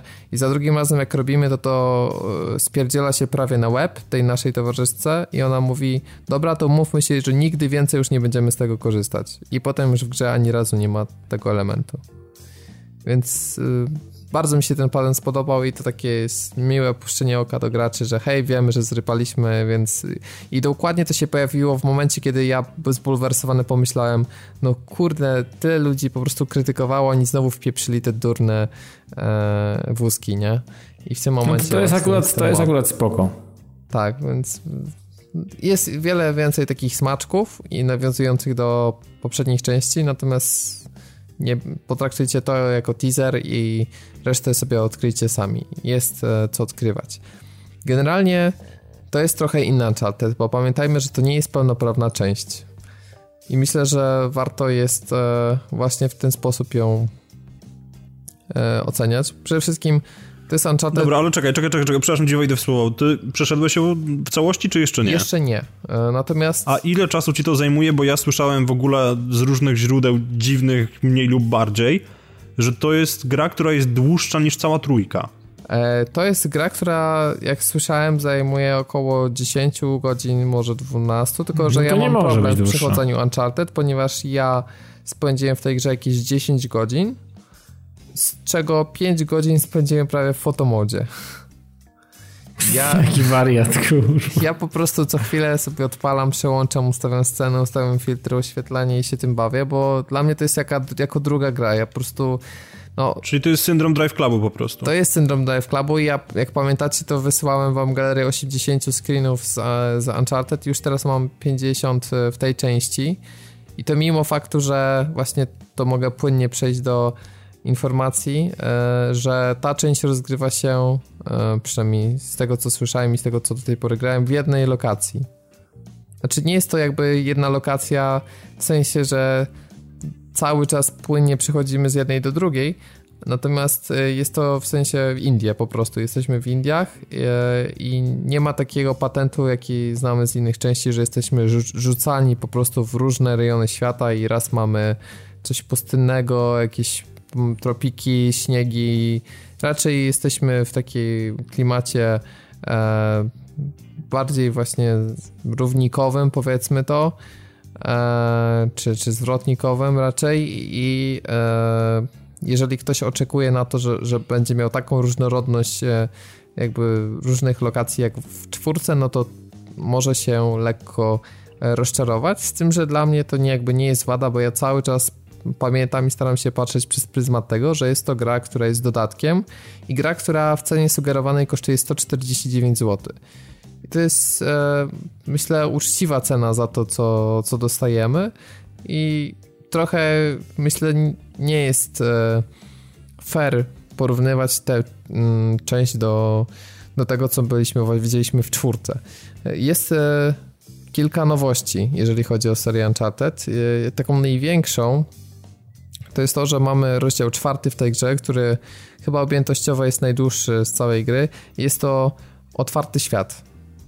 E, I to jest e, taka sekcja, którą przejście zajmuje nam myślę, że jakieś dwie czy trzy godziny, jeżeli chcemy tam zrobić wszystko. I to jest faktycznie taki trochę, można powiedzieć, tradycyjny open world, to znaczy mamy to zrobione trochę tak jak to mi przypomina Tomb Raidera, czyli mamy jakąś mapę, gdzie są też jakieś zakamarki, po których jak wchodzimy, to się odpalają jakieś skrypty i te bardziej takie, taki gameplay bardziej wyreżyserowany, czyli mamy jakąś lokację, gdzie musimy wrogów e, zabić, albo jakaś zagadka czeka na nas do rozwiązania, albo musimy mieć, przejść jakieś elementy platformingowe, natomiast całość łączy taki hub, gdzie poruszamy się samochodem i jest to naprawdę duża lokacja i jest to też bardzo techniczne, duże osiągnięcie, co ten silnik potrafi, dlatego, że jest to sporo większa, myślę, lokalizacja niż Madagaskar e, z Uncharted 4, bo on już taki był trochę open worldowy. Tu dzieje się zdecydowanie więcej.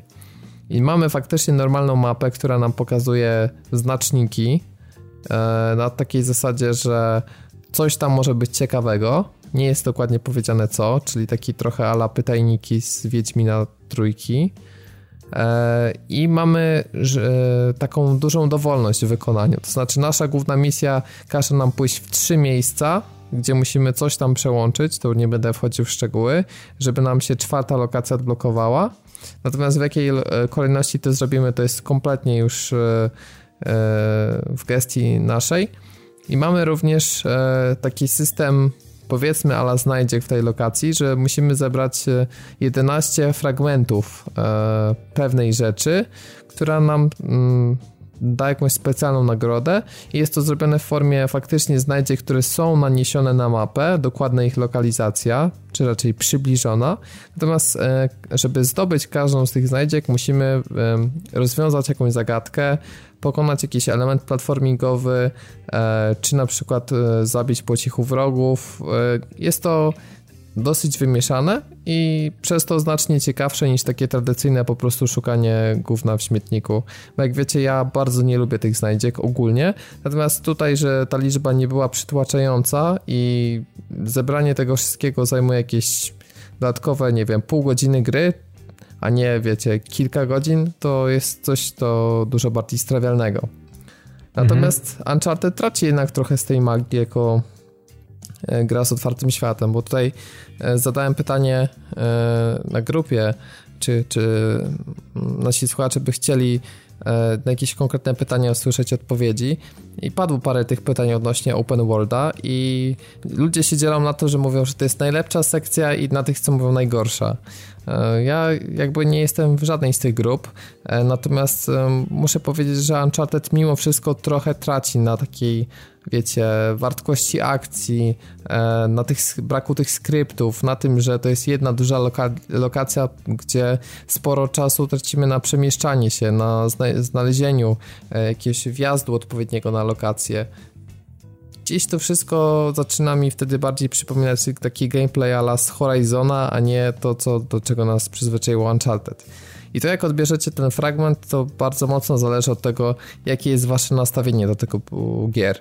Bo jeżeli lubicie właśnie grać w open worldy, nie macie tego mm, przesytu, to może się okazać, że odkryjecie Uncharted na nowo w pewnym sensie.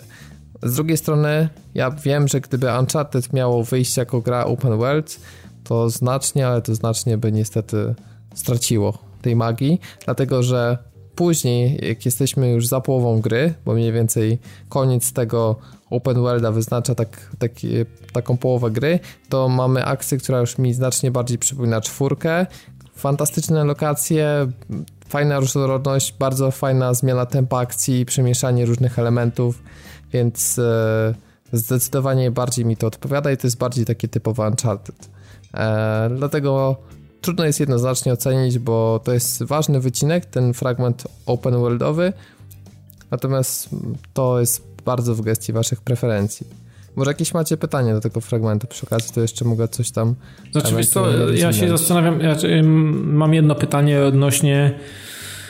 O samą Chloe ci nie będę pytał, bo chciałbym sobie tam sam tobie, sobie tego doświadczyć, ale powiedz mi, yy, mówiłeś o tym, że to przypomina sporą część yy, Madagaskar, Madagaskaru w ogóle, czwórki.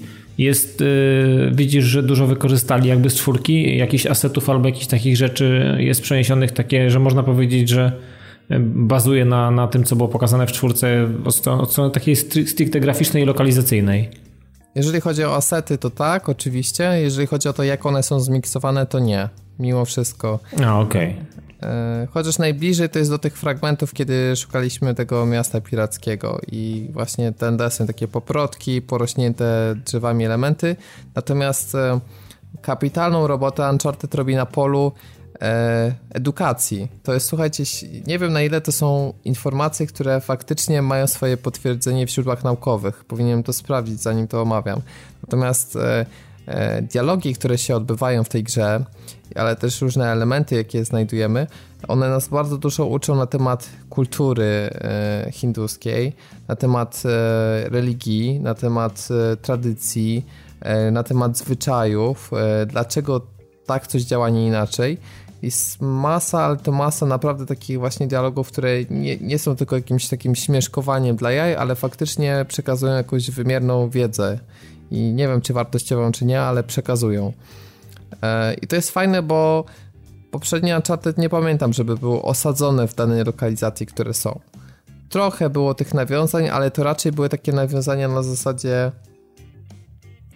że one były powiedzmy bardziej takie zmyślone, że już zalatywały, wiesz, na, na, na pierwszy rzut oka po prostu mhm. strasznym.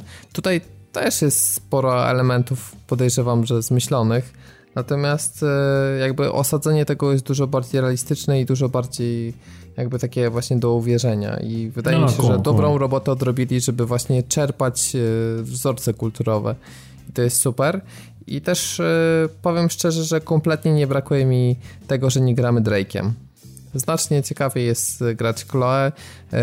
Bardzo świetnie wyszła chemia w ogóle między Nadine a Chloe i tak jak chwaliłem w Uncharted 4, że z samym się genialnie Drake dogaduje i były świetne dialogi, tak myślę, że z kolei tutaj ten, ten duet też wypada rewelacyjnie i cały czas to jest taka, taka relacja na zasadzie, że trochę takiego dogryzania sobie, ale całkiem przyjacielskiego.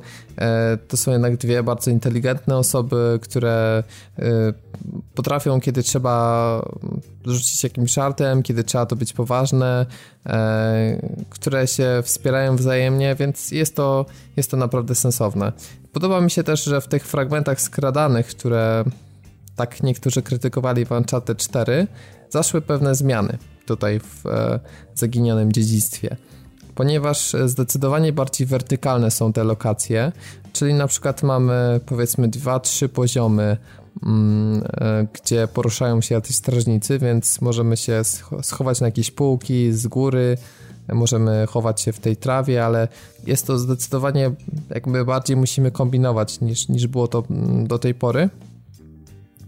No i nie pamiętam, czy tak było w czwórce, czy nie, ale fajnym patentem jest to, że Nadine potrafi też sama ogłuszyć tych przeciwników. Jeżeli przechodzi ktoś pod jej nosem, to ona nie czeka po prostu, aż my coś zrobimy, tylko sama udusi przeciwnika i potrafi na przykład też oznaczyć kogoś, kto przychodzi zupełnie z innej strony i chce nas zaskoczyć z tyłu i krzyczy do nas uważaj i automatycznie oznacza dla nas tego przeciwnika, więc Okay, Całkiem jest to, to sensowny jest i sympatyczny patent. Ale to wiesz co, chyba takie rzeczy już były nawet w The Last of Us, z tego co pamiętam, że Ellie mogła ci otagować przeciwnika, także to w czwórce wydaje mi się, że też to było, acz głowy nie dam, ale na pewno było w The Last of Us, także to tak. nie jest nic nowego, acz fajnie, że to zagonili do roboty. Tak, ale... Nie no wiesz, The Last of Us, y, The Last of... znaczy pomijam, że znaczy to na pewno było to, co Piotrek mówi, że oznaczało faktycznie, pomijam to, że Ellie była totalnym downem i jak ty się skradałeś, to nabiegała jakby miała DHD i... i ale wiesz, i przeciwnicy całkowicie... mieli w to wyjebane, więc generalnie no, rzecz biorąc można powiedzieć... Całe szczęście, no, Piotrek. Tutaj, tutaj też jest takie, czasami są problemy z tym i czasami faktycznie przebiega, ale widać, że pracowali nad tym i ze wszystkich tych części to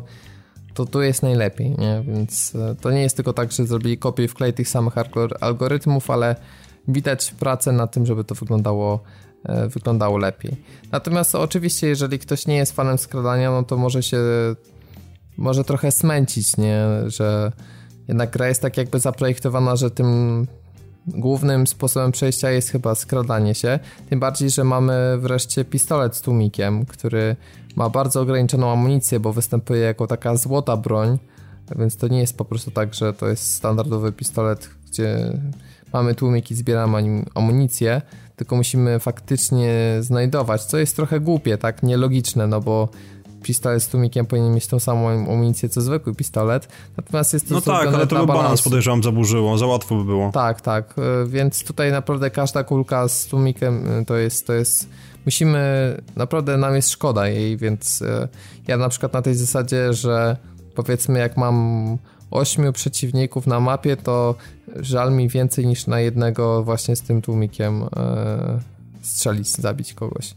Po prostu na tyle jest to mało, że powiedzmy znajduje raz na godzinę gry jakąś amunicję do tego pistoletu, więc mówimy o takim poziomie. No tak.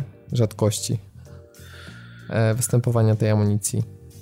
Natomiast graficznie gra stoi na bardzo wysokim poziomie, mimo że to są faktycznie trochę asety, które widzieliśmy wcześniej, ale to jest tak zmiksowane, że wiele tych e, elementów wygląda jak po prostu koncept arty, które są wrzucone do gry.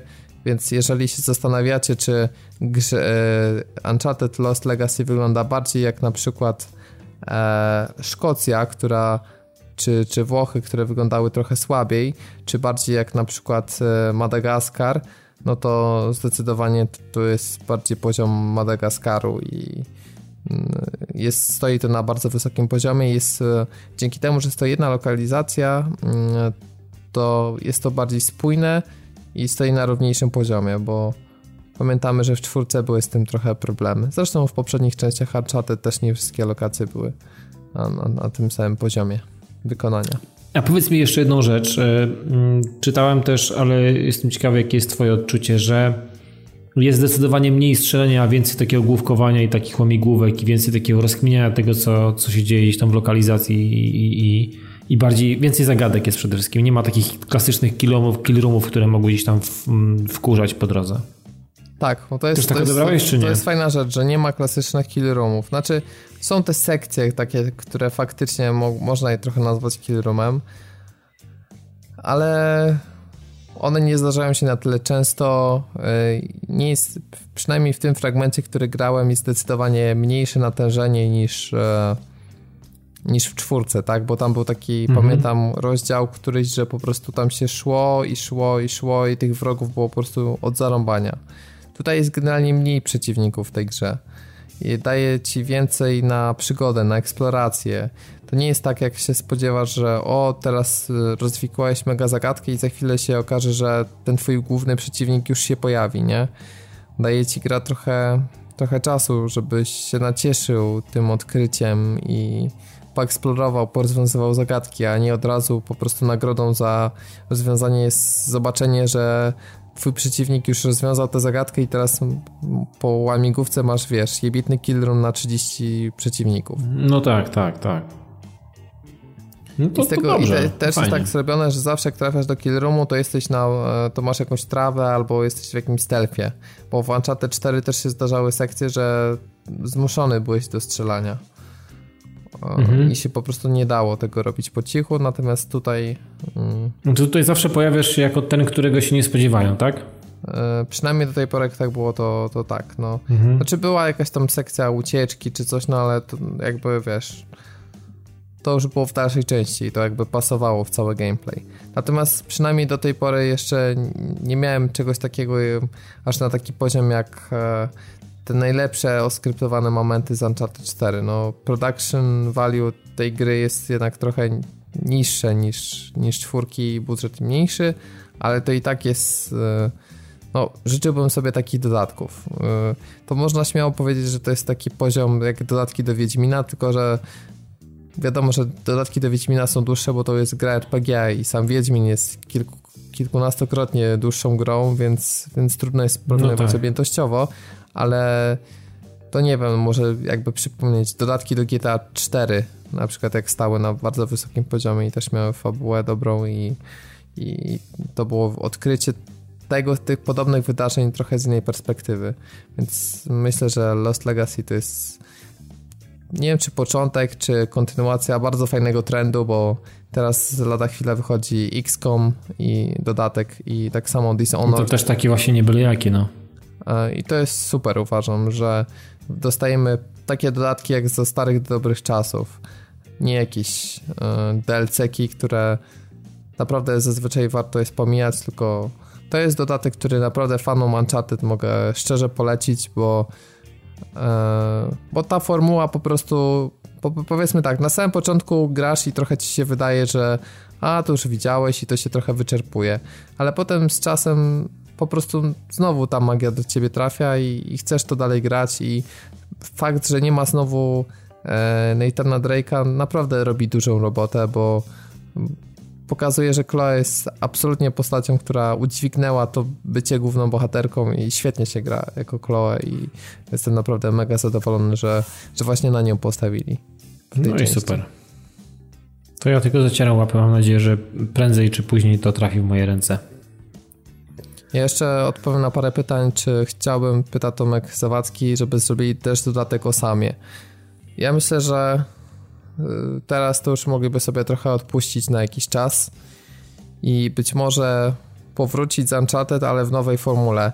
To znaczy God of War też miał kilka części, które bardzo podobnie do siebie wyglądały, a teraz mamy God of War'a, który mocno zmienia jakby klimat całości. Też się nazywa God Znaczy teraz mamy Dead of War tak zwane. No tak, ale Jakby czajcie koncept, więc ja chciałbym, żeby Uncharted powróciło za jakiś czas, ale z trochę innym pomysłem na siebie. Jako córka Drake'a będziesz teraz biegał. Nie wiem jako kto, czy jako sam, czy... Nie mam kompletnie pojęcia jako kto, natomiast e, dla mnie gameplayowo jest kwestia, nie? Jakby to się miało zmienić. E, przydałoby się pewnie jakieś zmiany, więc ja na razie nie, nie odczuwam jakiejś takiej totalnej chęci, żeby był kolejny dodatek. Myślę, że zresztą, że nie, nie, raczej nie, nie powstanie.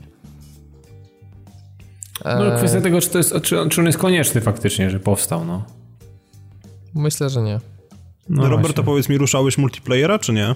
To jest ten sam multiplayer, który jest w czwórce, więc to jest... No właśnie tak... chciałem się zapytać, czy to są te same mapy i tak dalej, czy można grać z ludźmi, którzy mają podstawkę, etc., tak. jak to wygląda? To jest na tej zasadzie, że jeżeli masz e, dziedzictwo, to grasz e, z, tak samo e, z posiadaczami czwórki na multi. To jest dokładnie jeden do jeden. Tam one, dużo zmian się pojawiło, między innymi ten tryb hordy, o którym kiedyś tam wspominałem, e, który zresztą gra się bardzo fajnie.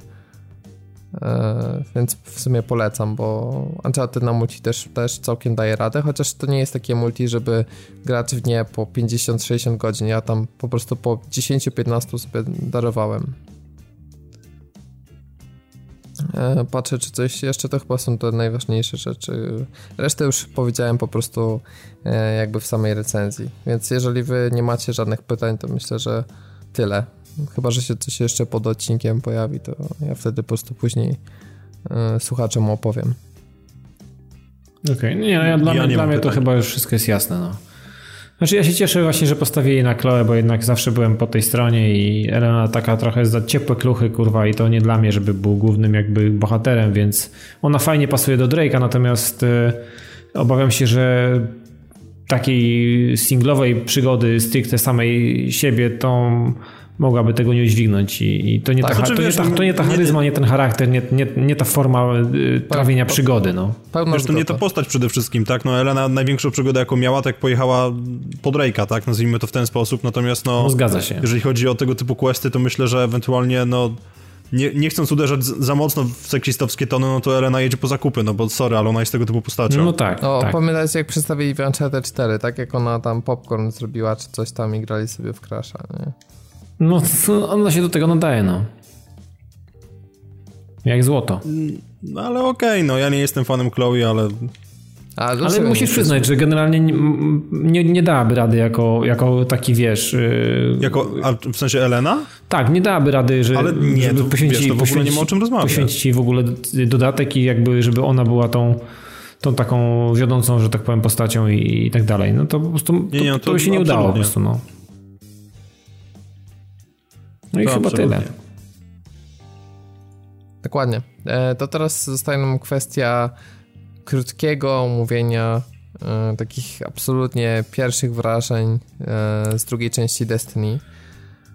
Przy czym taki, taka mała notka wstępu, że wrażenia z tej gry potrafią się zmienić o 180 stopni i w żadnym stopniu nie potraktujcie tego jako oceny gry i odpowiedzi na to, czy warto kupić, czy nie, bo myślę, że na to jest zdecydowanie za wcześnie.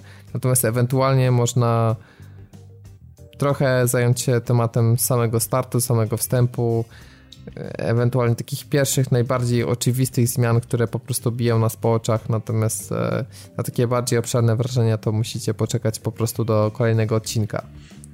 I tak się składa, żeby dać wam kontekst, że na grze położyło 3 czwarte ekipy i w tych 3 czwartych nie ma mnie, więc myślę, że już wiecie o, o kim mowa, czyli gra Tomek, gra Dawid i gra Piotrek. No tak wyszło. No, tak wyszło. Oczywiście Piotrek mówi, że nie zagra. Przezna przeznaczenie, tak. o, Tomku! Nie. To, Tomek i, i Piotrek e, są w wersji PS4, natomiast Dawid gra na Xboxie. Tak, my jesteśmy w wersji PS4 dostępni na PlayStation Store. Dokładnie, included jako DLC. Jakie wasze pierwsze wrażenia, panowie? Yy, jesteście, chce, chce wam się grać dalej, czy, czy entuzjazm jest taki, taki średni? Jak, jak, jak nastroje w ekipie? Może Dawid od ciebie zaczynając, bo tu jakaś magiczna przemiana się no, czy w, no w moim przypadku tak jest I, i sam się sobie dziwię, że tak jest, ale no nie będę się bronił, jeżeli coś mi się podoba i jest dobre i jest dla mnie strawialne, jest dla mnie yy, znaczy chce mi się w to grać, to znaczy, że, no to znaczy, że, że coś jest na rzeczy. No i jakby nie, nie bronię się przed tym, nie będę mówił całemu światu, że jest, że jest inaczej, bo, bo po co? Natomiast ja, żeby było jasne, ja jedynkę też przeszedłem calusieńką, z wszystkimi dodatkami. Owszem, nie wybierałem się na rajdy i na strajki. Można mm, powiedzieć, że straciłem może najwięcej i że jednak powinienem tego doświadczyć, natomiast nie było mi to dane z jakiegoś, z jakiegoś powodu. Nie wnikam w to. Nie chcę tego roztrząsać, bo to teraz jakby nie ma specjalnego e, sensu. Natomiast e, jedynka była dla mnie taka, a nie inna i, i, i, i wiecie, no była dla mnie trochę za nudna. Tam się tam generalnie znaczy, ja, ja, jeżeli chodzi o jedynkę, specjalnie też nie przywiązywałem się. Znaczy, ja rzadko w ogóle przywiązuję się do, do, do fabuły w grach wideo i ona tam dla mnie nigdy nie gra jakichś specjalnie pierwszych skrzypiec. Zresztą. No, nie wiem, nie, może nie trafiłem na taką grę, która w jakiś sposób, wiecie, by mnie tak jakoś mega urzekła i, i miałaby jakąś super fabułę. I myślę, że Destiny też do takich gier należy. Po prostu to jest gra, e, którą trzeba e, chłonąć gameplayem, a nie, tyle, nie tym, co, co ona gdzieś tam fabularnie oferuje. I tak jest, tak, ja, tak, ja tak do Destiny podchodzę. I jedynka, jedynka tak samo traktowałem i, i z dwójką jest... E, z dwójką, wiecie co, może jest też tak, tak, tak samo, jest i takie samo mam podejście, natomiast y, okazuje się, że ona jest y, mm, z jakiegoś powodu ciekawsza dla mnie. Na razie nie wiem dlaczego tak bo jest. jest no, bo jest, bo jest no, może dlatego, że jest normalnie skonstruowana kampania, czyli masz normalną przebieg historii, mimo tego, że mówisz, że nie zwracasz na to uwagi, ale jednak masz jasno wytyczone cele, wiesz po co coś robisz no i, tak. co, i, i, ta historia jest ułożona w ciągu przyczynowo-skutkowym. Mhm. Czyli to nie jest tak, że po prostu, że lecisz gdzieś tam, nie wiesz czym to ma związek, spotykasz jakąś rasę, ale to w ogóle jest tyłka i w ogóle i tak dalej. Tutaj mm, Tutaj jest ten system misji zachowany podobny jak w jedynce, w sensie tam, w jaki sposób je sobie wybierasz, Natomiast y, no, cała historia ma y, mniej lub więcej sensu, tak? No to się, jest to się na pewno... Jest jakąś opowieścią. To się na pewno więc to się jeżeli, zgadza. Więc nawet jeśli nie jest ci potrzebna do szczęścia fabuła, to fakt ułożenia tego w taki, a nie inny sposób sprawia, że może ci się lepiej to odbiera. Poza tym też, wydaje mi się, że o ile w pierwszym Destiny sam początek był oskryptowany, i później mieliśmy te oskryptowane fragmenty przy... Mm, Taken King na, na, tam na początku, o tyle większość rozgrywki to było właściwie no niewiele się od siebie różniło odchodzenie na strajki i tak dalej, to było w sumie to samo, nie było takich e, fragmentów, w których robiłeś e, inne rzeczy, tak? Właściwie tylko ciągle strzelałeś i skanowałeś coś ghostem i to właściwie w kółko i w kółko i strzelałeś, skanowałeś ghostem, boss, mm -hmm, strzelałeś -hmm. kill room, kill room, fala, fala, fala.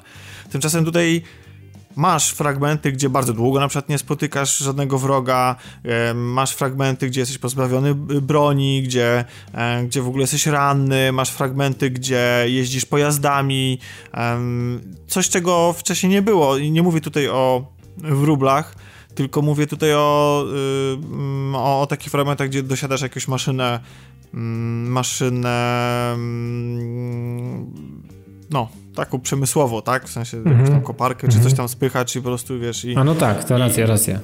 Jest, jest, jest, jest taki fragment. I, I, to jest, to trochę przypomina y, Halo i, i, też jest po prostu taką miłą odskocznią, czy ta gra zaczęła przypominać normalną grę w kampanii po prostu. No może to, może to, tego, może to też z tego wynikać, y, że jest to jak mówisz. No, natomiast... Y wiesz co, ja, ja, ja, też zastanawiałem się, bo, bo jakoś ja mam w ogóle problem chyba w kwestii też bet. Bety, bety jakoś nigdy mnie nie zachęcają i jakoś mam, tak samo miałem w przypadku Overwatcha i tak samo miałem w przypadku właśnie Destiny, że jednak ta beta jakoś w jakiś sposób mnie nie urzekła i, i była, tak naprawdę szczerze powiedziawszy, kalafiorem była mi ta gra. No i, ale okazuje się, że gdy yy, zobaczyłem przede wszystkim otwarcie. Ja nie wiem, czy w becie jest otwarcie takie, takie, takie całe. E, wiecie, o którym, o którym mówię. Jest, jest identyczne. Jest identyczne.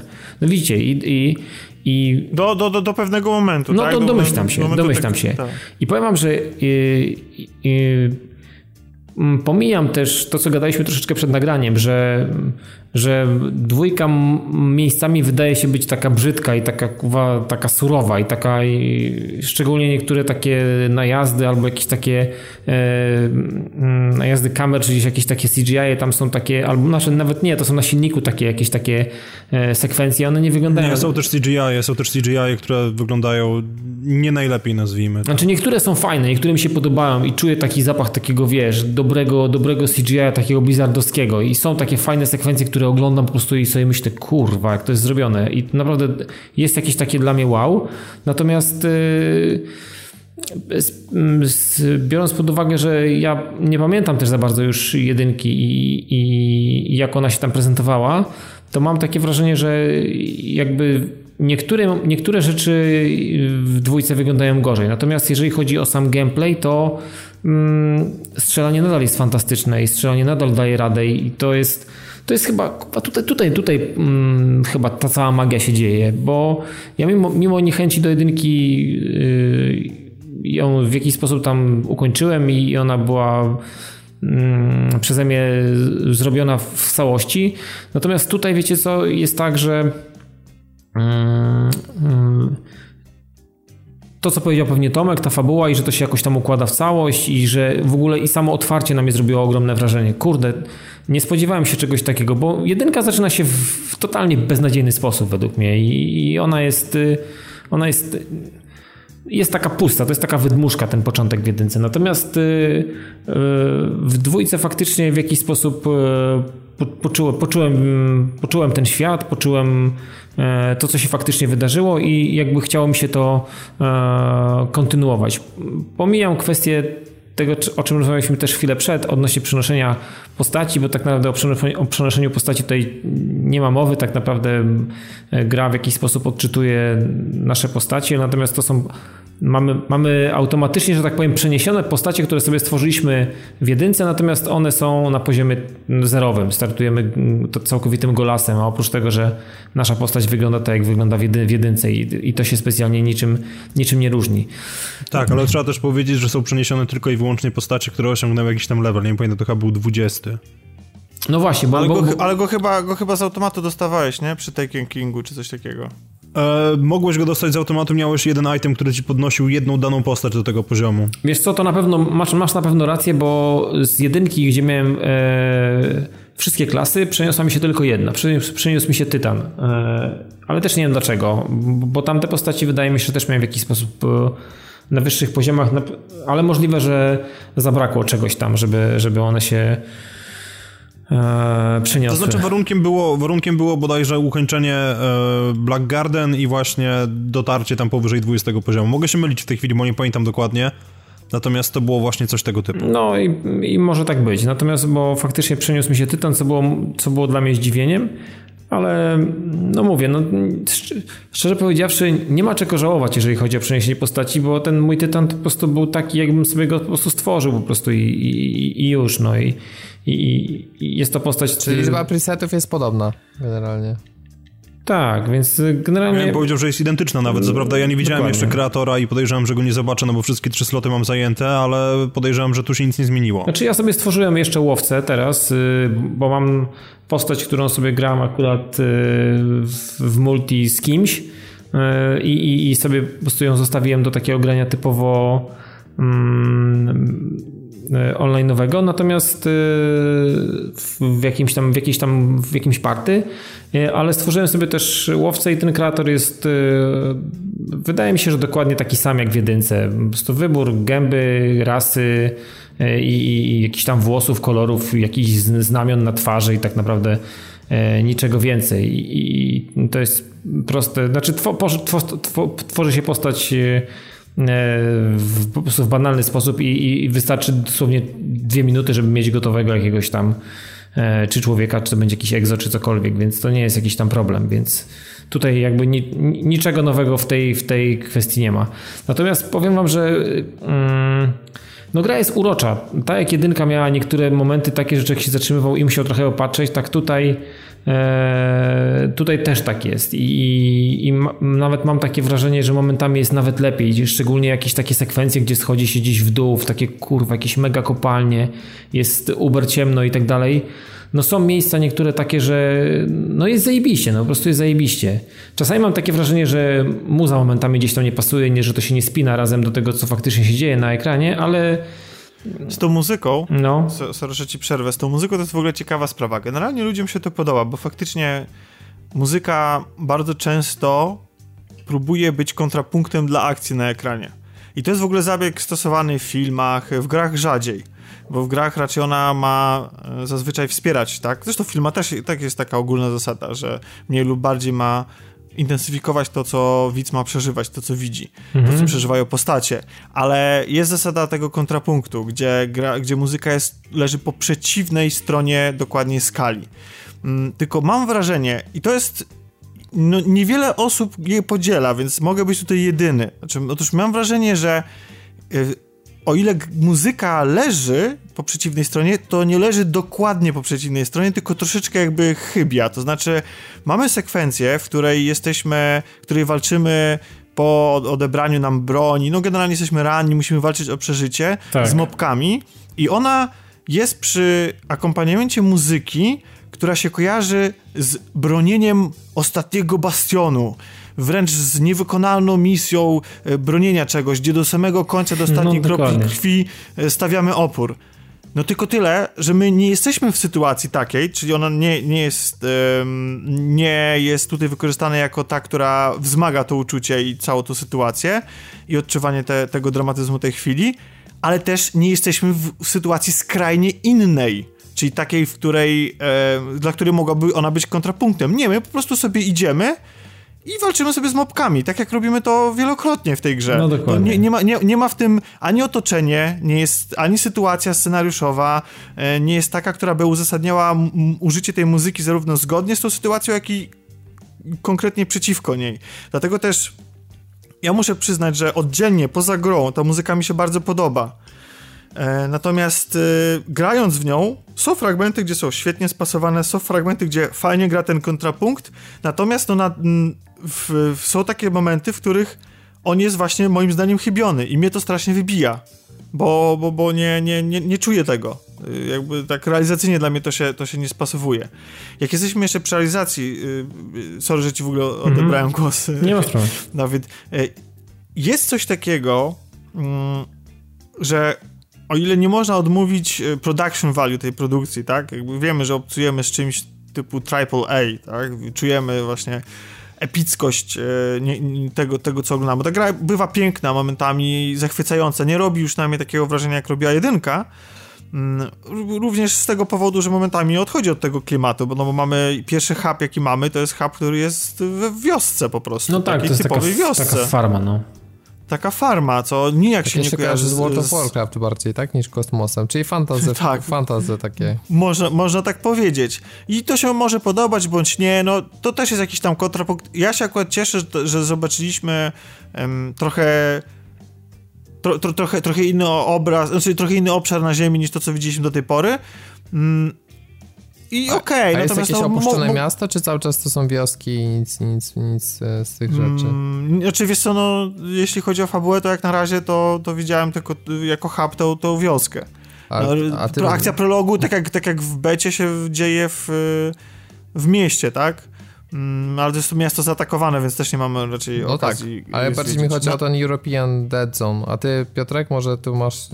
To, widziałeś, czy tak naprawdę są coś tam jest ciekawszego w tych terenach, czy to są po prostu wioska, pole, lasy i tyle, nie? nic takiego? To znaczy, wiesz co, European Dead Zone po prostu jest no tyle specyficzne, że masz tam jakby jedno, jedno miasto, nazwijmy to, i w tym mieście właśnie dzieją się jakieś tam fragmenty akcji, natomiast ogólnie jest po prostu otwarte połacie terenu i na ogół ze wszystkimi miejscami, w którymi możemy sobie swobodnie biegać, poza misjami, to mniej więcej tak to wygląda. To jest taka sama struktura, jak była w jedynce, że po prostu dostajesz jakąś planetę i możesz sobie po niej śmigać, tylko że no niekoniecznie są to w tym momencie planety, bo na przykład na Tytanie jest to jakaś wielka platforma wiertnicza, nazwijmy to, która się unosi na powierzchni wody i ona trochę bardziej przypomina aglomerację, ale dalej jest to po prostu open space, a taki typowy hub, no to jest jeden właśnie ta farma. No nie, właśnie, y, kurczę, bo właśnie teraz strzeliłem głupotę. Mamy przecież całą lokację y, miejską totalnie, zniszczonego miasta przecież w Niemczech, prawda? No tak, no to EDZ właśnie. Tak, tak, tak, tak, tak, okej, okay, to, to mi, się, mi się coś pomyliło. No to nie, no to, y, to tak, no to tam jest, ma, mamy to, to czuć klimat tego, tego zniszczonego miasta. Tylko Fajne, to, to miasto jest zniszczone mapa, jeszcze... Czy to jest takie jak, jak mapa z multi, z jedynki, mniej więcej taki klimat? Bo tam w tych sekcjach... Tak. No, no bo to mi się podobało, muszę powiedzieć, więc... więc... A mi właśnie wcale wcale się nie podobało i nie podoba, czy... Mi się kompletnie nie podoba fakt, że ta miejscówka jest jak żywcem... Wy... To jest... To jest... Kosmodrom miał jakiś klimat. Kosmodrom był miejscem, które było bardzo charakterystyczne, gdzie właśnie te rdzewiejące metale, te szkielety pozostawione przez stare wahadłowce i tak dalej, to wszystko nadawało temu naprawdę taki cudowny no, sznyt i klimat. Natomiast tutaj, gdyby wstawić zombiaki, nie miałbyś zielonego pojęcia, że to jest Destiny. Po prostu to jest tak generikowate, że aż mnie to boli.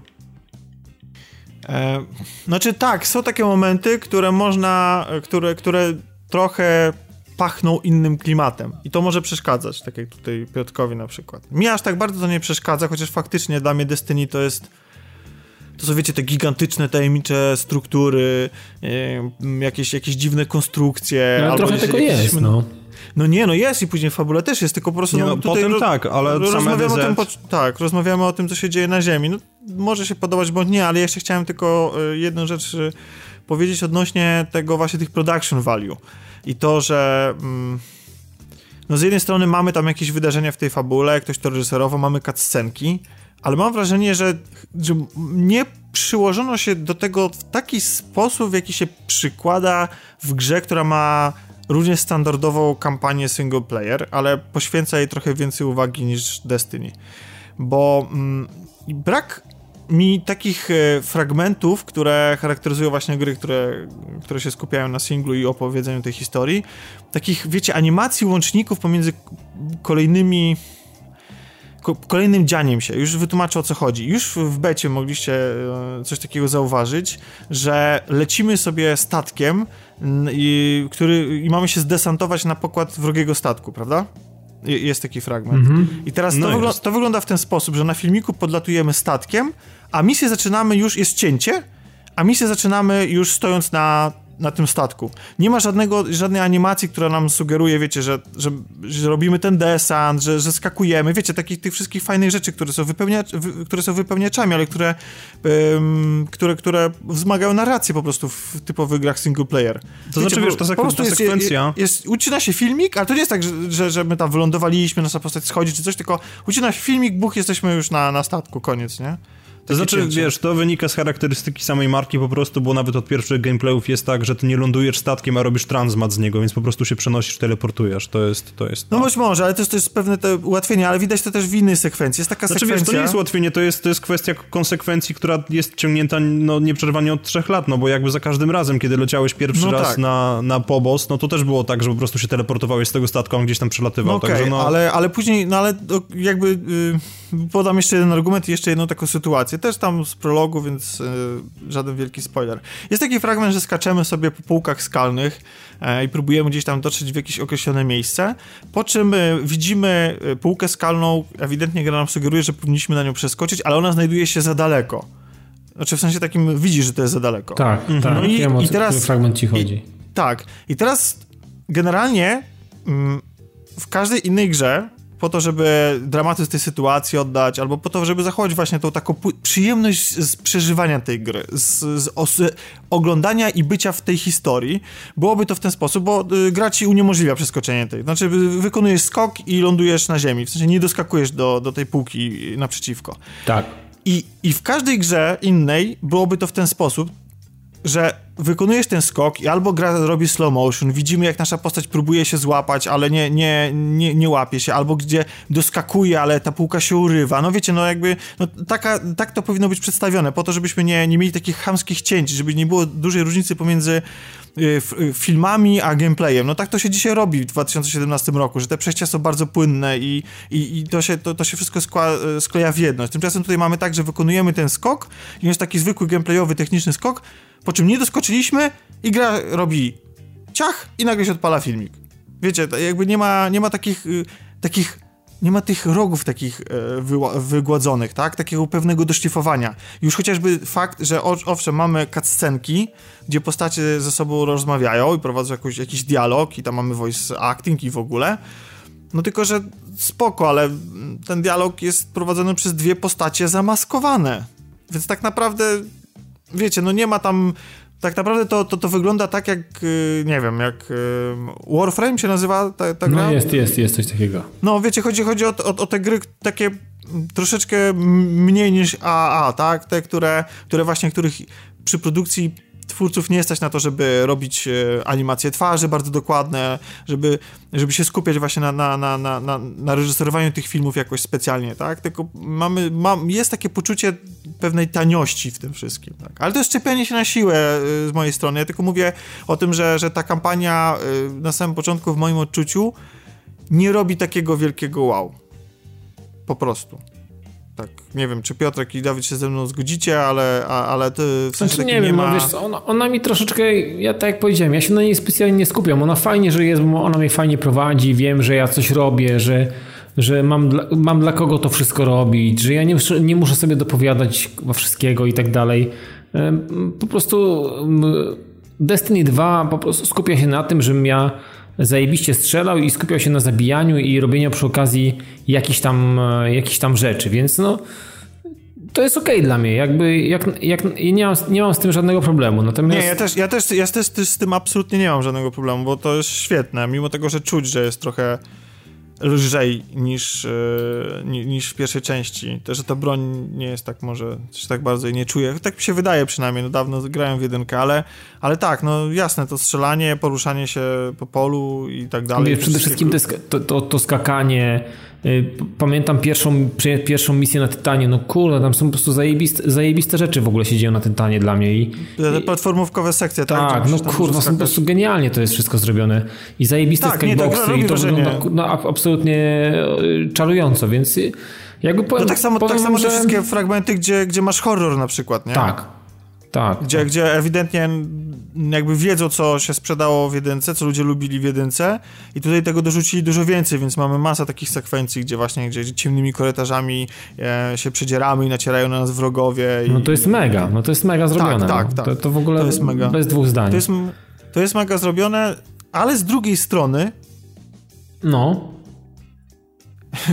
to może trochę zabrzmi głupio, no ale ludzie oczekiwali od Destiny fabuły, właśnie tego takiego uporządkowania, ale mi osobiście e, dużo więcej frajdy mm, mm, sprawia branie udziału w publicznych eventach niż granie w fabułę. Po prostu robienie tego, co robiłem w pierwszym Destiny. E, tego biegania z randomami. Takiego, że takich sytuacji, gdzie znajdujemy się przy tym znaczniku, gdzie się tam można zarejestrować, że bierzesz udział w evencie e, i stoimy we trzech i sobie zasalutowaliśmy, tak po mm -hmm, prostu, nie? Mhm, wszyscy, mm -hmm. wszyscy, wszyscy naraz, po czym rozpoczął się event. Ja tych gości nie znam, nie mam żadnego pojęcia, kto to był. Po czym rozpoczął się event, zaczęliśmy się, e, mm, chciałem powiedzieć grzmocić, zaczęliśmy grzmocić wrogów, zrobiliśmy ten event, stanęliśmy, E, stanęliśmy, zasalutowaliśmy i, e, i, się, i każdy pobiegł w swoją stronę. No właśnie. I to, i to mi się, to, to jest dla mnie, ja się nie mogę doczekać robienia strajków, robienia mm, z ludźmi, którzy pierwszy raz podchodzą do rajdu, bo robiłem rajdy w jedynce, ale to były rajdy już z ludźmi, którzy byli ogarnięci w temacie, więc to było super i było fajne i w ogóle mega się cieszę, że, że to pokazywali, co trzeba robić i tak dalej. No ale wiecie też doskonale, że Piotrek wie, że robienie tego po raz pierwszy samemu daje inny rodzaj fanu, tak? No zdecydowanie i teraz rajd wystartuje 13, czyli w najbliższy czwartek, dobrze mówię? O ileż nie mylę. Nie, no w każdym razie będzie jeszcze w tym tygodniu i no ja zamierzam się wybrać, więc zobaczymy co ciekawego wyjdzie. Oczywiście znowu będzie pałowanie się, że na YouTube jakaś ekipa zrobiła to, nie wiem, w półtorej godziny czy coś w tym stylu. No ale i super, no i od tego jest YouTube i ekipy, które w to, to robią i ta gra, nie? Ale to ale co nam znaczy, nie, mam, szczerą, mam szczerą nadzieję, że tak nie będzie. Naprawdę mam wielką nadzieję, że zrobienie tego rajdu pierwszy raz zajmie ludziom 8 godzin, 10 godzin i tak dalej i że ja zrezygnowany położę się spać o godzinie 4.30 e, wściekły po prostu, że nie przeszliśmy jakiegoś etapu, że nie rozgryźliśmy mechaniki. Ale właśnie o to w tym wszystkim chodzi. O to, żeby ją rozgryzać i o to, żeby rzeczywiście samemu coś, coś poznawać, a nie wchodzić na jakiś tutorial na IGN-ie i, A, i no, czytać, nie, jak no, coś zrobić. Jasne, jasne, no, ale, to- ale to są właśnie rzeczy, na które ja czekam w Destiny, a fabuła jest, jest okej. Znaczy Jest fajnie, ta fajnie, że ona jest, fajnie, że ona jest, bo Tak, ona, nie, no widzisz, jasne, jasne, tylko po prostu chodzi mi o to, że większą frajdę mi sp- sprawiają te rzeczy, które mi sprawiały w jedynce bez fabuły, niż Mhm. tutaj ta fabuła, ale to jest oczywiście moje indywidualne tak odczucie. Może się zmienić, może gdzieś tam w pewnym momencie zaskoczyć i się mega w to wszystko wciągnę i będę chciał ciągnąć bardziej dalej fabułę. Ale jak na razie najbardziej czekam na strajki i, i, i, i rajdy. No chyba To to... chyba tyle.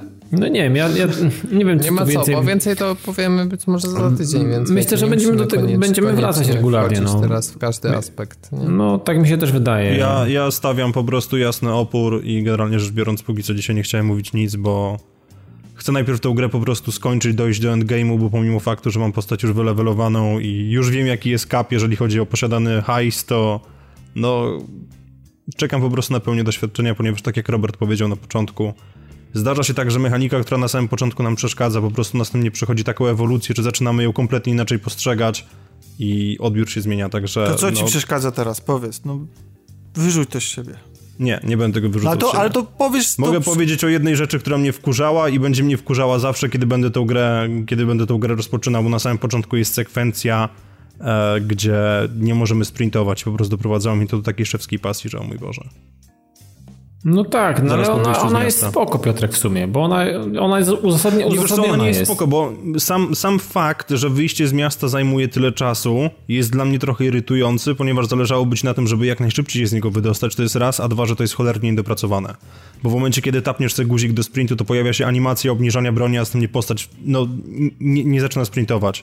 I są takie, to są właśnie te szczegóły, tak, które ja będę wyłapywał jako osoba, która spędziła w Destiny chore ilości godzin i są po prostu momenty takiego niedopracowania, ta gra jest po prostu strasznie nierówna, bo są miejsca, gdzie się zachwycamy, a z drugiej strony są takie momenty, że ja po prostu miałem ochotę wywalić razem, razem z padem całą konsolę przez okno. Autentycznie. I, I właśnie takie detale, no bo to jest gra, no, AAA, tak? I nie powinno być, nie powinny mieć miejsca babole tego typu. A one się tutaj pojawiają i po prostu czasami, no, walą po prostu po ryju tak mocno, że ja autentycznie miałem ochotę kogoś bardziej wykastrować. Że oni wypuścili coś takiego. I, I ja mam bardzo emocjonalny stosunek do tej marki, zresztą to nie jest żaden sekret, tak? No bo wtopiłem w to chore ilości godzin i chciałem, żeby ta gra była jak najlepsza, a ona miejscami po prostu taka nie jest. I tak jak się Tomku pytasz między innymi o to, co mi przeszkadza, przeszkadza mi nowy układ broni. Nowy układ broni No jest dla mnie już- po prostu tak kompletną spierdoliną, że osoba naprawdę, która, która na to wpadła, która to przepchnęła, ja nie wiem, co, co, co robili ludzie, którzy byli odpowiedzialni za decyzję, ale podział broni, który pojawił się w tej chwili jest po prostu kasztański. To jest dublowanie funkcjonalności broni, która nikomu nie była do niczego potrzebna i z jakiegoś względu pomyśleli, tak, to jest świetny pomysł. To nie jest świetny pomysł, to jest gówniany pomysł. Ja tak jak już po becie mówię, to jest dla mnie po, poświęcenie wygody w PvE na rzecz balansu PvP, tak to wygląda. I szkoda, bo podział z jedynki był prosty, klarowny, sensowny, czytelny. Tu uważam, że prze, przedobrzyli faktycznie chyba. Ja z kolei nie wiem dlaczego, ale na początku jest bardzo duże pchanie. Znaczy, ja mi tak, takie bronie wylatywały i wszyscy mieli dostępne. Rewolwery. Strasznie nie lubię grać rewolwerem i jakoś tak. Później się to oczywiście, ale zmieniło, nie? I dostawałem inne bronie, ale na początku same rewolwery wszędzie były. I to mnie, y, to mnie wkurzało. Jako ta główna broń. Ale to, nie wiem, no. Ja właściwie, y, na czym polega ta zmiana, w, jeśli chodzi o mm, podział broni? Jeżeli chodzi o podział broni, to teraz po prostu masz układ tego typu, że pierwsze dwa sloty jakby zajmowane są przez bronie tego samego typu, a trzeci to jest slot typu heavy, nazwijmy to. I z jakiegoś względu bronie pokroju karabinów snajperskich czy fusion rifle przeszły teraz jako heavy po prostu, że nie możesz ich używać na co dzień. Tak normalnie jakby. Musisz po prostu zwie- zabrać ale- tą specjalną amunicję, która wypada o wiele rzadziej. masz A, dublowanie o to się ci funkcjonalności. Chodzi. No że, bo... nie masz, że nie masz snajperki z taką ilością amunicji, jaką byś chciał, tylko masz tam Znaczy wiesz, snajperka to mnie akurat najmniej tutaj interesuje, ja głównie grałem Fusion Riflem, tak, ale chodzi po prostu o to, że miałeś jasno podzielone. Miałeś broń Primary, która była do eliminowania podstawowych przeciwników, miałeś broń Special, która była w jakiś tam sposób wyspecjalizowana, jak nazwa wskazuje, i miałeś potem typ Heavy, który był do tych najcięższych skurwysynów. I teraz w tej chwili jest tak, że ja na przykład nie korzystam z dwóch broni kompletnie, ja się, może inaczej, korzystam tylko z dwóch broni, przełączam się pomiędzy Primary a Heavy, bo jakby ta środkowa kompletnie dla mnie nie ma sensu, bo mam dwa autorifle na przykład. I no, nie rozumiem sensu w tym wszystkim. Nie widzę go po prostu. A powiedz mi, czy w jedynce też tak było, że jak walczysz na przykład z bossem, e, to tam jest oczywiście restrykcja odrodzeń. No tak. Ale, no tak. Czy ty sobie zrobiłeś to i grasz po polsku? Yy, tak, odpaliłem to grę po polsku, no.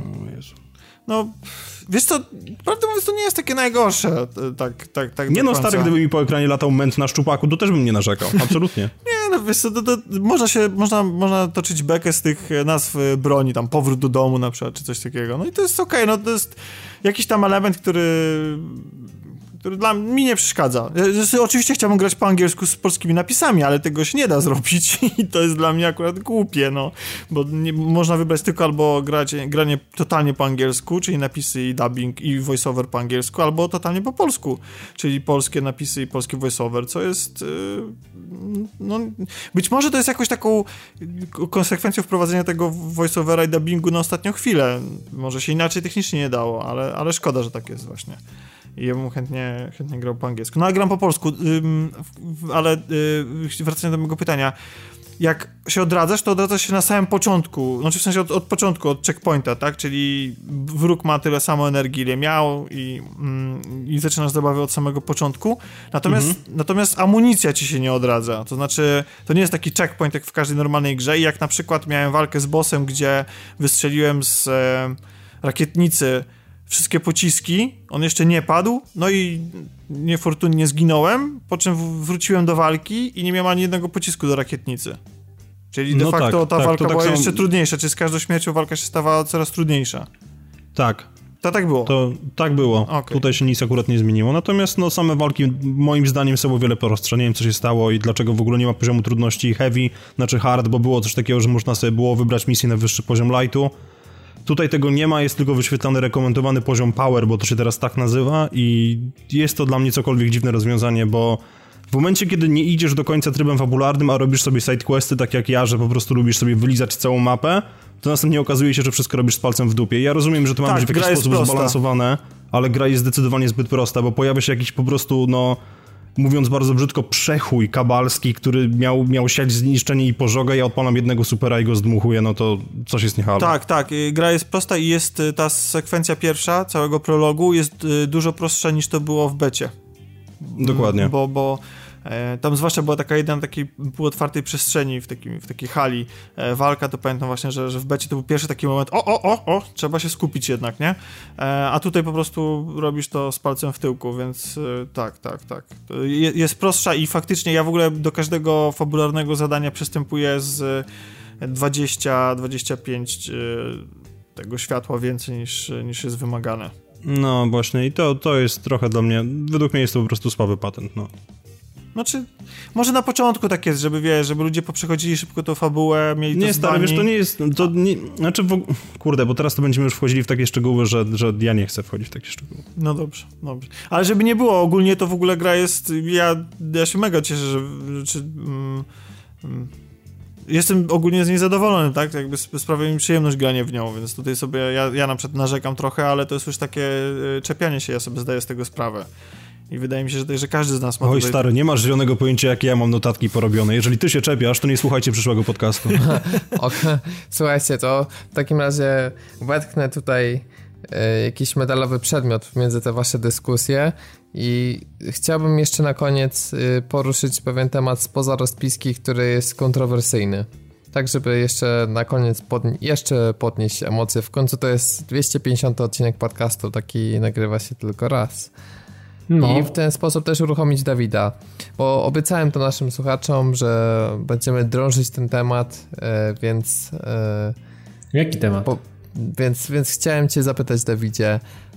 E, jak to się stało, że stałeś się posiadaczem preordera na Xbox One X, mimo faktu, że E, jesteś e, jednym z osób, które w sposób najbardziej wokalny i taki jednoznaczny i bezkompromisowy krytykują fakt istnienia konsol tych takich śródgeneracyjnych jak właśnie PS4 Pro czy teraz nadchodzący Xbox One X. I co cię przekonało, że, że jednak w ciemno właśnie, bo preorderujesz to, czyli nie czekasz na, na recenzję, nie czekasz na E, na to, na porównania, tylko od razu w ciemno jakby chcesz się stać e, posiadaczem tej konsoli. Znaczy, wiesz, wiecie, dwa, dwa tematy, a czy może nawet nie dwa, nie wiem ile ich będzie, ale jedna kwestia. Preorder tak naprawdę e, nie gwarantuje mi niczego, bo to jest preorder, który wiecie, dziś jest, jutro mogę, może go nie być, mogę w ogóle tego sprzętu nie odebrać. To jest jakby jedna kwestia.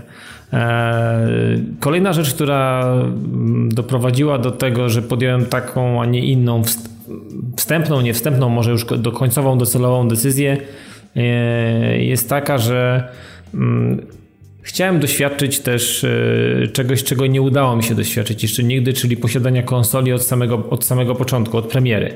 E, nigdy nie kupiłem sprzętu na premierę. A, a, mogłeś, mogłeś wybrać Switcha. Mogłem, ale już jest za późno. żartuję. Jakby, tak, jakby nie patrzeć, jest za późno.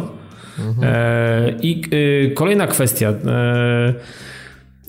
Zdałem sobie chyba sprawę też z tego, że moje patrzenie na konsolę jest, jest głupie i, i po, powinienem zmienić, jakby, jakby nie patrzeć punkt, punkt patrzenia na, na, na, to, jak wygląda dzisiaj świat konsol, jak wyglądają w ogóle te sprzęty, jak wyglądają w ogóle konsole, o ile w ogóle możemy jeszcze je tak e, e, szczerze powiedziawszy nazywać. To, że pojawia się Xbox One X, X czy pojawia się PS4 Pro, no, no to, to jest po prostu kolejna, kolejna konsola. To, to myślę, że na, na gen, stricte generację mm, nie wiem, czy kiedykolwiek będą jeszcze miały miejsce. Mam wrażenie, że teraz tak to będzie wyglądało 4-5 lat i jakby jest koniec. Xbox One przestał już być nawet produkowany, więc y, to jest kurwa to nawet nie 4 lata. Nie, no stary, bez przesady, wiesz, to pierwsze, pierwsza iteracja sprzętu przestała być produkowana. Tak samo jak było wypuszczone PS2 Slim, to nikt się już nie przejmował normalną PS2, to wiesz, nie, no okay. nie wieść tutaj śmierci generacji, bo one de facto powinny trwać 4-5 lat, tak jak było do tej pory. To poprzednia została sztucznie wydłużona przez to, że Sony w nią wpieprzyło miliony dolarów, a potem się okazało, że wypuścili jeszcze jakieś półgeneracyjne upgrade'y no, w postaci no dobra, ale Piotrek, y, PS2 była produkowana przez 12 lat, no. Ale nie, no, pierwotna wersja premierowa PS2 też już po paru latach przestała być produkowana. No to, dobrze, ale, to, ale myślicie, że ile będzie jeszcze wspierany i produkowany Xbox One S? No myślę, że będzie no, tak jeszcze długo trochę na pewno One będzie, X. on daj spokój. Tak długo jak One X. No dobra, no zobaczymy. W każdym razie... Z tego, co mówi Microsoft, no bo Microsoft cały czas uparcie twierdzi, że One X nie jest konsolą, która docelowo ma nagle stać się nową generacją, tylko to jest rozszerzenie obecnej biblioteki, ukierunkowane przede wszystkim dla posiadaczy telewizorów 4K, e, bo ma być to najlepsza konsola właśnie dla osób z takim telewizorem ze względu na największą liczbę natywnych produkcji działających w ten sposób. No, ale widzę, że marketing ostro no, ale ci to, wiesz, to się jeszcze okaże. Ja akurat na to specjalnie się nie zasadzam, bo jakby też ani nie jestem e, w posiadaniu takiego wyświetlacza, ale też sobie zdałem z tego sprawę, że to też może być jakiś jakiś mm, motor nie napędowy. Wiem, motor napędowy albo mm, początek jakiejś tam przygody i, mm, i wejście w świat 4K za czas jakiś rok, może, może nawet dwa może to będzie rok 2018, może to będzie 2019, żeby wymienić wyświetlacz e, w swojej mordowni i, i, i przejść w końcu na e, tak jak się przechodziło kiedyś z SD na, na HD Ready czy na Full HD. No przejść na 4K. przeszedł akurat teraz, nie? nie. No więc ja to mam też, też mam to przed sobą, więc mhm. a druga kwestia, wiecie co, jakoś tak mm, nie wiem, czy jest, y, znaczy zainteresowanie konsolą Sony mm, u mnie jest bardzo małe. No wiecie co, ja bardzo mało gram na tej konsoli i rzadko jakby do niej, do niej siadam i ogrywam tylko tytuły ekskluzywne i tylko te, które mi się podobają i te, które w jakiś sposób albo w jakiś sposób dzięki patronom, czy dzięki jakiejś tam e, kopiom recenzenckim okazują się być trafionymi tytułami, po prostu sobie tam gdzieś ogrywam i to mi w zupełności wystarczy i to jest kilka tytułów, pewnie rocznie będzie. E, natomiast wiecie co, i mm, mam przede wszystkim też dużo fajnych znajomych y, na Xbox Live, których, z którymi gdzieś tam chciałbym spokojnie dalej kontynuować. Myślę, że też spokojnie pozbędę się Białasa. Y, jeżeli faktycznie dojdzie do tego, że y, Xbox One X będzie w, będzie w moim posiadaniu, to on mnie nawet, nawet, nawet mnie wyniesie mniej niż, niż faktycznie on gdzieś tam kosztuje. Wiecie, no, kilka rzeczy tak, to może było taki taka, taka decyzja e, spontaniczna i, i, nie do końca może też e, przemyślana, natomiast no, na razie jest faktem i, i póki co nie wycofuje się z tego w jakiś sposób. E, no i chyba póki co z tym, z tym zostaje. To nie jest też jakby, wiecie, wbrew jakimś tam moim... Znaczy, może tak się wydawać, że to jest jakoś wbrew moim mm, przemyśleniom albo moim, moim opiniom, które gdzieś tam cały czas e, gdzieś tam były powtarzane przeze mnie wielokrotnie i tak dalej. Natomiast stwierdziłem, że generalnie dlaczego nie? Dlaczego, dlaczego miałbym tego nie zrobić? Dlaczego, dlaczego mm, mam siedzieć cały czas na Xboxie One, który, którego mam, którego lubię i, i jakby nicze, niczego mu tak naprawdę szczerze powiedziawszy nie brakuje. Natomiast e, stwierdziłem, że po prostu dlaczego nie? No i mm, też mam takie, też mam takie wrażenie, że Sony e, znaczy, zmieniło się też moje podejście. Tak jak kochałem bardzo mocno PS3 i uważam, że to. Je... Znaczy, spędziłem z tą konsolą bardzo dużo fajnego czasu i, i to był fajny okres dla Sony i w ogóle dla, fajny okres dla gier wideo z mojej perspektywy. Mm, I, a poprzednicy, którzy grali na PS2, mówią, że PS2 mogę żałować, że nie byłem w posiadaniu PS2, bo to już w ogóle był rewelacyjny sprzęt od strony ilości gier i jakby jakości tych gier i tak dalej, i tak dalej, więc jakby tutaj Tutaj pewnie też, też było całkiem nieźle. PS, PS3 mnie akurat urzekła. Natomiast y, jak tak przyglądam się temu, co robi Microsoft, y, przyglądam się temu, co robi Sony i co robi Sony, będąc tak bardzo z przodu i tak bardzo górując nad Microsoftem, Mm, I, I tak naprawdę oni szczerze, szczerze się do tego przyznają, że oni nie mają pojęcia, dlaczego tak jest, jak jest. E, to wiecie co, nie wiem, może to jest jakiś, jakiś, e, jakiś rodzaj nie wiem, solidaryzowania się z, z, tym gorszym, z tym może po części trochę przegranym tej, tej generacji, ale wydaje się mi, się, że e, jestem nawet trochę przekonany o tym, że Microsoft robi więcej dla graczy i, i, i bardziej się przygląda swojej społeczności i temu, temu co chce zrobić i, i więcej wprowadza tych świeżości niż samo Sony, które po prostu jecie już zapierdala z górki tak naprawdę w tej chwili i, i zgubiło hamulec na początku już tak naprawdę produkcji swojego sprzętu i, i całkowicie ma w dupie. Nie, nie, ma, nie ma potrzeby nawet kontrolowania tego, z jaką prędkością spierdalają z tej góry. Mm, I, i, i nic, I nic absolutnie z tego, z tego sobie nie robią i, i nie, nie, nie, powodują, znaczy nie robią żadnych kroków, które w jakiś sposób mogły być czytane przeze mnie jako, jako, jako fajne, fajne wyciągnięcie e, dłoni do, do ludzi, którzy są w posiadaniu tych sprzęt, tego sprzętu albo, albo może chcieliby ten sprzęt posiadać, więc nie wiem, no trzymam się tylko Microsoftu, urzekł mnie od, e, od, od jakiegoś czasu i, i, jakby nie zamierzam tego jak, w jakiś sposób zmieniać i tytuły ekskluzywne Microsoftu zawsze będą, dla mnie chujstwem i chłamem, więc generalnie to też jakby nie jest istota e, przyglądania się na, na, na, na te tytuły, bo one nigdy nie, nie były w żaden sposób e, magnesem. No ale póki co tak jest, taki jest stan rzeczy i jakby, no jestem człowiekiem, no mo, mogę czasami zmienić zdanie, mogę chcieć zmienić zdanie, mogę chcieć pójść w, w jakąś stronę, która może, może się okazać, faktycznie okazać jakąś głupią albo, albo błędnym założeniem, natomiast wydaje mi się, że e, mm, tak na razie jest i nie zamierzam się z tego specjalnie wycofywać i, i wymiksowywać, no a, a no mówię, no fakty są jakie są, no.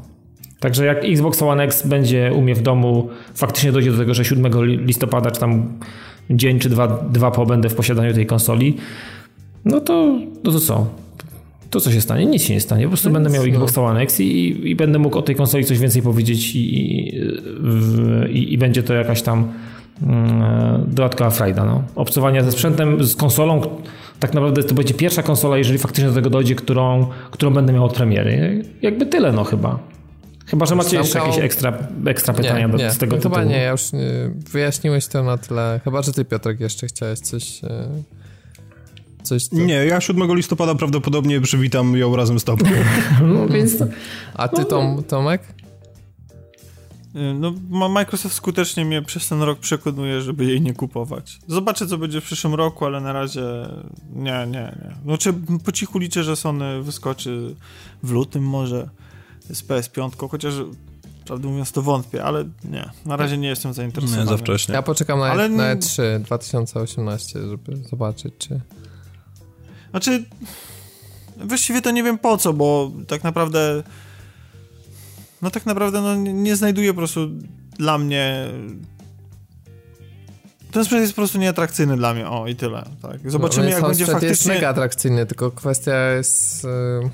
Znaczy, kwestia jest taka, co deweloperzy i sam Microsoft z tym sprzętem zrobi, bo jeśli on będzie służył po to, żeby prezentować kolejne pady i wersje interfejsu, no to, no to ja nie potrzebuję takiej konsoli, no. I... No przydałoby się, żeby w końcu ten interfejs ogarnęli. Znaczy słyszałem, że ten nowy to jest dramat, ten taki, mówię, nie ten obecny nowy, tylko ten, te projekty tego jeszcze najnowszego. No ja się zastanawiam, jak można, czy można zrobić to jeszcze gorzej, nie? nie znaczy powiem ci, że można. Microsoft ci, udowodni, że można. Ten najnowszy dashboard to jest kurwa jeden wielki szczoch, prosto w twarz, kurwa.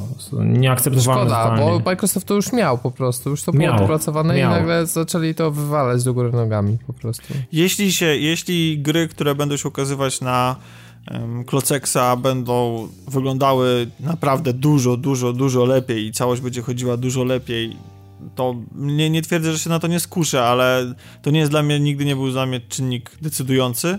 To jest po pierwsze, a po drugie, ja szczerze mówiąc, to nie wierzę. No. I a już tak od, z punktu widzenia marketingowego, to uważam, że reklamowanie tej gry, nie wiem, różnicami, jakie można dostrzec, bądź nie w Tomb Raiderze, no, no nie do końca, no, w sensie, no fajnie, fajnie, że są zmiany, ale ale nie wiem, czy ktoś będzie wracał do tytułu sprzed, yy, sprzed dwóch lat tylko po to, żeby sprawdzić, jak yy, parę efektów więcej, czy, czy lepszy aliasing i tak dalej, nie? Czy ostrość Teraz zdziwiłbyś się. Okej, okay, no ale to nie jest masowe, nie jest, nie jest to hurtowe, to nie jest... Y, mnie to przynajmniej na pewno nie przekonuje. Znaczy, czekam jest... na jakąś nową grę, może Anthem, jak już w końcu pokażą real gameplay, to, e, to, to może on mnie przekona, tak? Bo byłem, byłem nim zachwycony. Stary, do czasu Antema, to wiesz, do tego Xboxa spakujesz do pudła i będziesz trzymał w szafie tak jak poprzedniego. No, no więc właśnie, więc na no razie, tak na razie ale, ale życzę wszystkim, którzy go nabędą i Dawidowi również, żeby byli przeszczęśliwi z tego, z tego powodu. Ja trzymam kciuki za jedno i opieram się trochę na słowach Piotrka, bo problemem PS4 Pro w niektórych grach jest to, że jest rozdzielczość 4K, ale nie ma asetów 4K. Jeżeli Microsoft chciałby pokazać nad Sony faktycznie przewagę, że jest najlepszą konsolą dla posiadaczy i to jest prawdziwe 4K, to nie tylko właśnie sama rozdzielczość, ale to, żeby faktycznie były tam asety, które są przystosowane do wysokich rozdzielczości. Póki co ten nowy Tomb Raider, do którego się odwo odwołałeś, wygląda na to, że faktycznie tak jest, bo różnica w porównaniu do prosiaka jest spora. Ale no okej, okay, no ale czy... to, to jest tylko kwestia graficzna, no, w gameplayu nic się nie zmieni, nic, nic takiego, co by ta gra nagle oferowała więcej, dlatego, że jest na najmocniejszym sprzęcie, nie? I tak Więc, a to jest będzie, 2000, bo... a to jest jednak wyda, wy, wyrzucenie 2000 zł na sprzęt, no to jest pytanie, jak, czy to jest warte tego i tyle, nie? Dla, dla tych lepszych tekstur. No, dokładnie, natomiast e, nie oczekuj fajerwerków, bo przypominam, że ten sprzęt dalej ma relatywnie słaby procesor, to znaczy i tak ulepszony, i tak mocniejszy, ale... A ponieważ nie będzie miał ekskluzywów i gry będą robione z myślą o PS4 również, te same, no to tak naprawdę nie, nie, nie, będzie mogło być. E, no i przede wszystkim Xbox One S, który jest nadal całk- będzie cały czas. No i podstawowa wersja Xboxa One tak. również. E, nie jest produkowana, Więc... ale będzie wspierana. No więc dlatego te gry tak naprawdę nie będą jakieś... Chciałbym się mylić. Zobaczymy chciałbym, Wiedźmina w 4K, teraz na dnia wychodzi na konsolę i zobaczmy co... No to póki co na PS4. No ale na Xbox One X będzie e, też w tym roku. Pod koniec roku, czyli że nie wiadomo kiedy, bo to... Ale w sumie to trochę no, strzał w no stopę, no tak. nie? Że na konfie Microsoftu pokazali to, a nagle się okazało, że na PS4 będzie szybciej. Myślałem, że Microsoft znaczy, sobie... Dla mnie to jest w ogóle głupota jakaś, więc no nie, nie bardzo rozumiem, co tutaj zaszło, bo bym się spodziewał, że ten patch będzie czekał, że w dniu premiery, kiedy kupisz sobie Xbox One X, to wpakujesz po prostu płytę do czytnika, on ci zaszcie e, dodatkowe dane ewentualne i będziesz mógł sobie popatrzeć na to i co twoja nowa konsola potrafi na, na przykładzie Wieśka a tu się nagle okazuje, że jak dostaniesz na święta, to może. Pewnie za, za późno devkity dostali, po prostu jeszcze muszą dopracować tą wersję, a PS4 mogli pracować szybciej, no i myślę, że tu jest... Ja nie wiem, stary, czy to jest na tyle skomplikowane, żeby rzeczywiście tutaj była mowa o takich opóźnieniach. Ale nic, trzymajmy kciuki za Microsoft, bo im bardziej Nintendo lepiej sobie radzi, im lepiej sobie radzi Microsoft, tym bardziej Sony będzie musiało bardziej znaczy, świadome wszyscy... decyzje po, podejmować po prostu. Za wszystkich trzymajmy kciuki, bo przecież wszystkim nam, nie. wszystkim nam zależy na tym, żeby, żeby te gry były jak najlepsze, nie? Więc dla no mnie... trochę tak, trochę masz rację. Natomiast no... Ja tylko trochę. Natomiast no pytanie, pozostaje pytanie, e, no jak to będzie wyglądało w przyszłości, no? Czy, czy po zakupie tych sprzętów po prostu wszyscy razem nie, klepnie, nie klepniemy e, tej śródgeneracyjności jako czegoś zupełnie normalnego, albo wręcz po prostu mm, wszyscy razem dołożymy cegiełkę do tego, żeby te generacje w ogóle zniknęły, nie? Na szczęście jest jeszcze Nintendo, które wymyśla jakiś patent na granie, a nie tylko sprzętowo. Tylko, że gdyby oni się jeszcze sprzętowo chcieli trochę bardziej ogarnąć, to... No, to by było fajnie. To, to byłoby super, bo i innowacyjności, no koncept Switcha poszedł świetnie i jestem, zastanawiam się, jak sukces Switcha może wpłynąć na zaprojektowanie konsoli kolejnej generacji. Czy będzie to miało jakiś wpływ, czy nie? Myślę, że nie. Ja też tak myślę. Myślę, że to zostanie domeną z Switcha i Nintendo.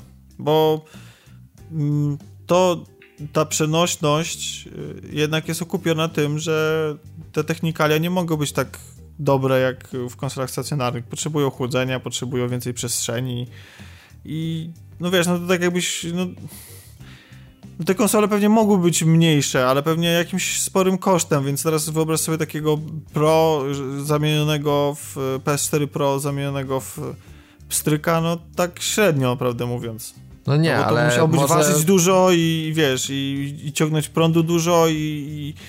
No więc to jak dostaniesz, jak dostaniesz następną konsolę, następnej generacji, to przecież nie będziesz chciał się cofać i mieć, i mieć sprzęt typu PS3 na sterydach na przykład. Ale, ale to, gdyby mieć PS4 na sterydach i jeszcze raz by sprzedawali gry z PS4 na zasadzie takiej, że masz PS5, a PS4 jest e, przenośna, nie? Mówię, nie wiem, czy technologia taka, która by pozwalała to tanio i masowo produkować jest dostępna. W sensie takim, czy, czy oni są w stanie to ogarnąć. No teraz jeszcze nie, ale za rok, dwa, kto wie. Może, może, ale to...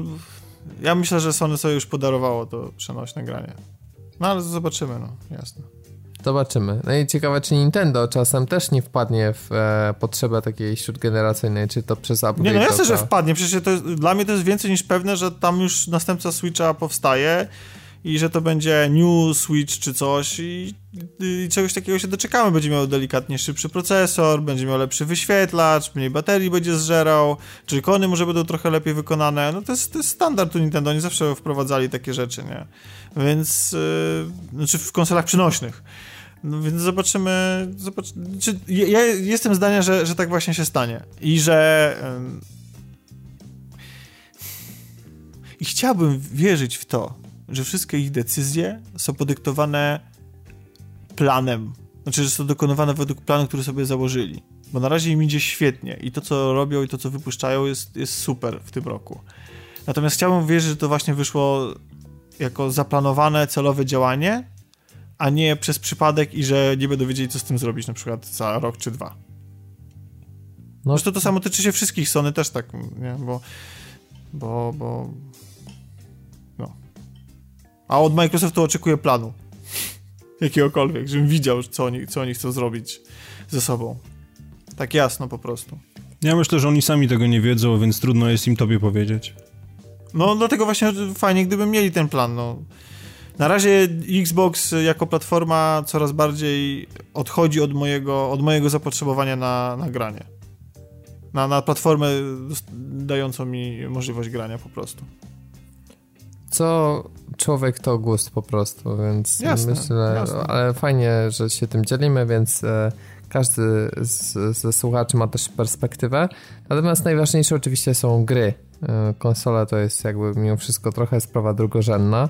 Przynajmniej jeżeli chodzi o różnicę między mm, powiedzmy PS4 a Xboxem, które w swoim koncepcie zawsze były bardzo podobne. Mówię o tej generacji szczególnie. I powiem zatem o premierach, na jakie możemy się spodziewać. Większość to multiplatformy. 12 e, września e, to jest bodajże we wtorek E, startuje dodatek do XCOM 2, e, nazywa się War of the Chosen i zdaje się, że Dawid już ma to na swoim tak, dysku. Tak, mam, mam to na dysku, czekam. W kolejnym odcinku pewnie uda nam się to jakoś, nie wiem, czy w pierwsze wrażenia jakieś powiedzmy już podzielić. No zobaczymy, e, jak to będzie duże przede wszystkim. Zakładam, że to będzie jednak, jednak, jednak spore, więc trochę czasu pewnie zajmie bardziej, że to trudna gra jest generalnie. Tak, to jest, to jest generalnie trudna gra i, i, i jakby nie ma, nie ma lekko w świecie XCOMa, no niestety. Albo niestety, no. Tak, no. Nie ma lekko też w świecie piłki nożnej w PS 2018, głównie ze sprawą jak zwykle przeraźliwych braków licencyjnych. No ja ogrywałem demo, już w sumie dzieliłem się wrażeniami. Ja, jeżeli chodzi o PS-a, to jeszcze mam kilka zastrzeżeń, które mogliby wyeliminować, natomiast jest to na pewno gameplayowo solidna produkcja, więc e, myślę, że znajdzie swoich fanów, chociaż znowu się pewnie sprzeda e, 15 razy gorzej niż FIFA, niestety, no ale mówię, no ta licencja to jest, e, to jest niestety całkiem, całkiem spory problem. 15 e, września startuje również kolejny duży dodatek, tym razem do Dishonored, Death of the Outsider. Jestem ciekawy, jak bardzo naśliniony na ten dodatek jest e, Piotrek. Czy, czy może jeszcze mm, fakt, że ogrywasz dwójkę od czasu do czasu powoduje, że nie masz aż takiego ciśnienia póki co no. Ja chwilowo nie mam ciśnienia, ale to w związku z tym, że po prostu jestem w innych grach jakby zajęty i, i, i po prostu do tego dodatku myślę, że dojdę jakoś gdzieś w okolicach Świąt Bożego Narodzenia, więc na jakiejś wyprzedaży pewnie go wtedy dorwę. Natomiast no, znając dodatki do Dishonored, to wiem, że to będzie solidny kawał kodu, który jakby co po prostu będzie mi służył za ratunek, gdybym na czymś się bardzo mocno zawiódł. Jasne. Myślę, że nie zawiedziesz się na NHL 18. O, zdecydowanie, to wiesz, preorder edycji kolekcjonerskiej jest jakaś? Przede wszystkim nie, bo nie kupisz, więc trudno się Z je hokejowym. A wiecie, tak myślałem. NHL jest ciężko w ogóle strzelić tam do tych małych bramek, więc e, tak, to jest gra.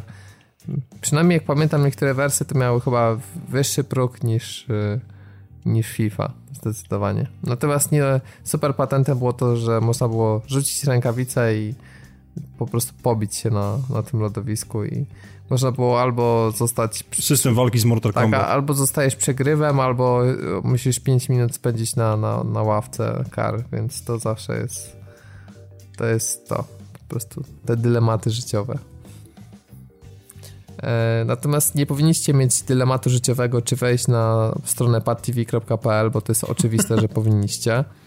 Tak samo jak dołączyć do naszej grupy na Facebooku i śledzić e, nasze wpisy, aktualizacje, to co się u nas dzieje. Jeżeli chcecie zostawić kilka groszy, to e, zachęcamy Was do wspierania nas na Patronite, szczególnie, że już niebawem odświeżymy parę rzeczy. Pamiętamy o ekstra odcinkach, żeby nie było, więc e, też przepraszamy za ewentualne jeszcze drobne z tym obsuwy, ale dojdziemy do tego. Wierzę, wierzę chłopaki, że uda nam się jeszcze nadgonić. Już dużo nie brakuje tak. Znaczy ostatnio znowu trochę znowu, ale no... No ale urlopy, wyjazdy i wszystko, no to wiadomo, no. Wiadomo jak jest. E, mam nadzieję, że wam się podobał 250 odcinek. E, dziękuję bardzo. Ja nazywam się Robert Fiałkowski i prowadziłem ten wyjątkowy jubileuszowy odcinek. Ze mną dzisiaj był Tomek Pieniak. Dzięki, cześć. Dawid Maron. Dzięki i do usłyszenia. I Piotrek Modzelewski. Dzięki wielkie za uwagę. Do usłyszenia za tydzień. Trzymajcie się. Hej.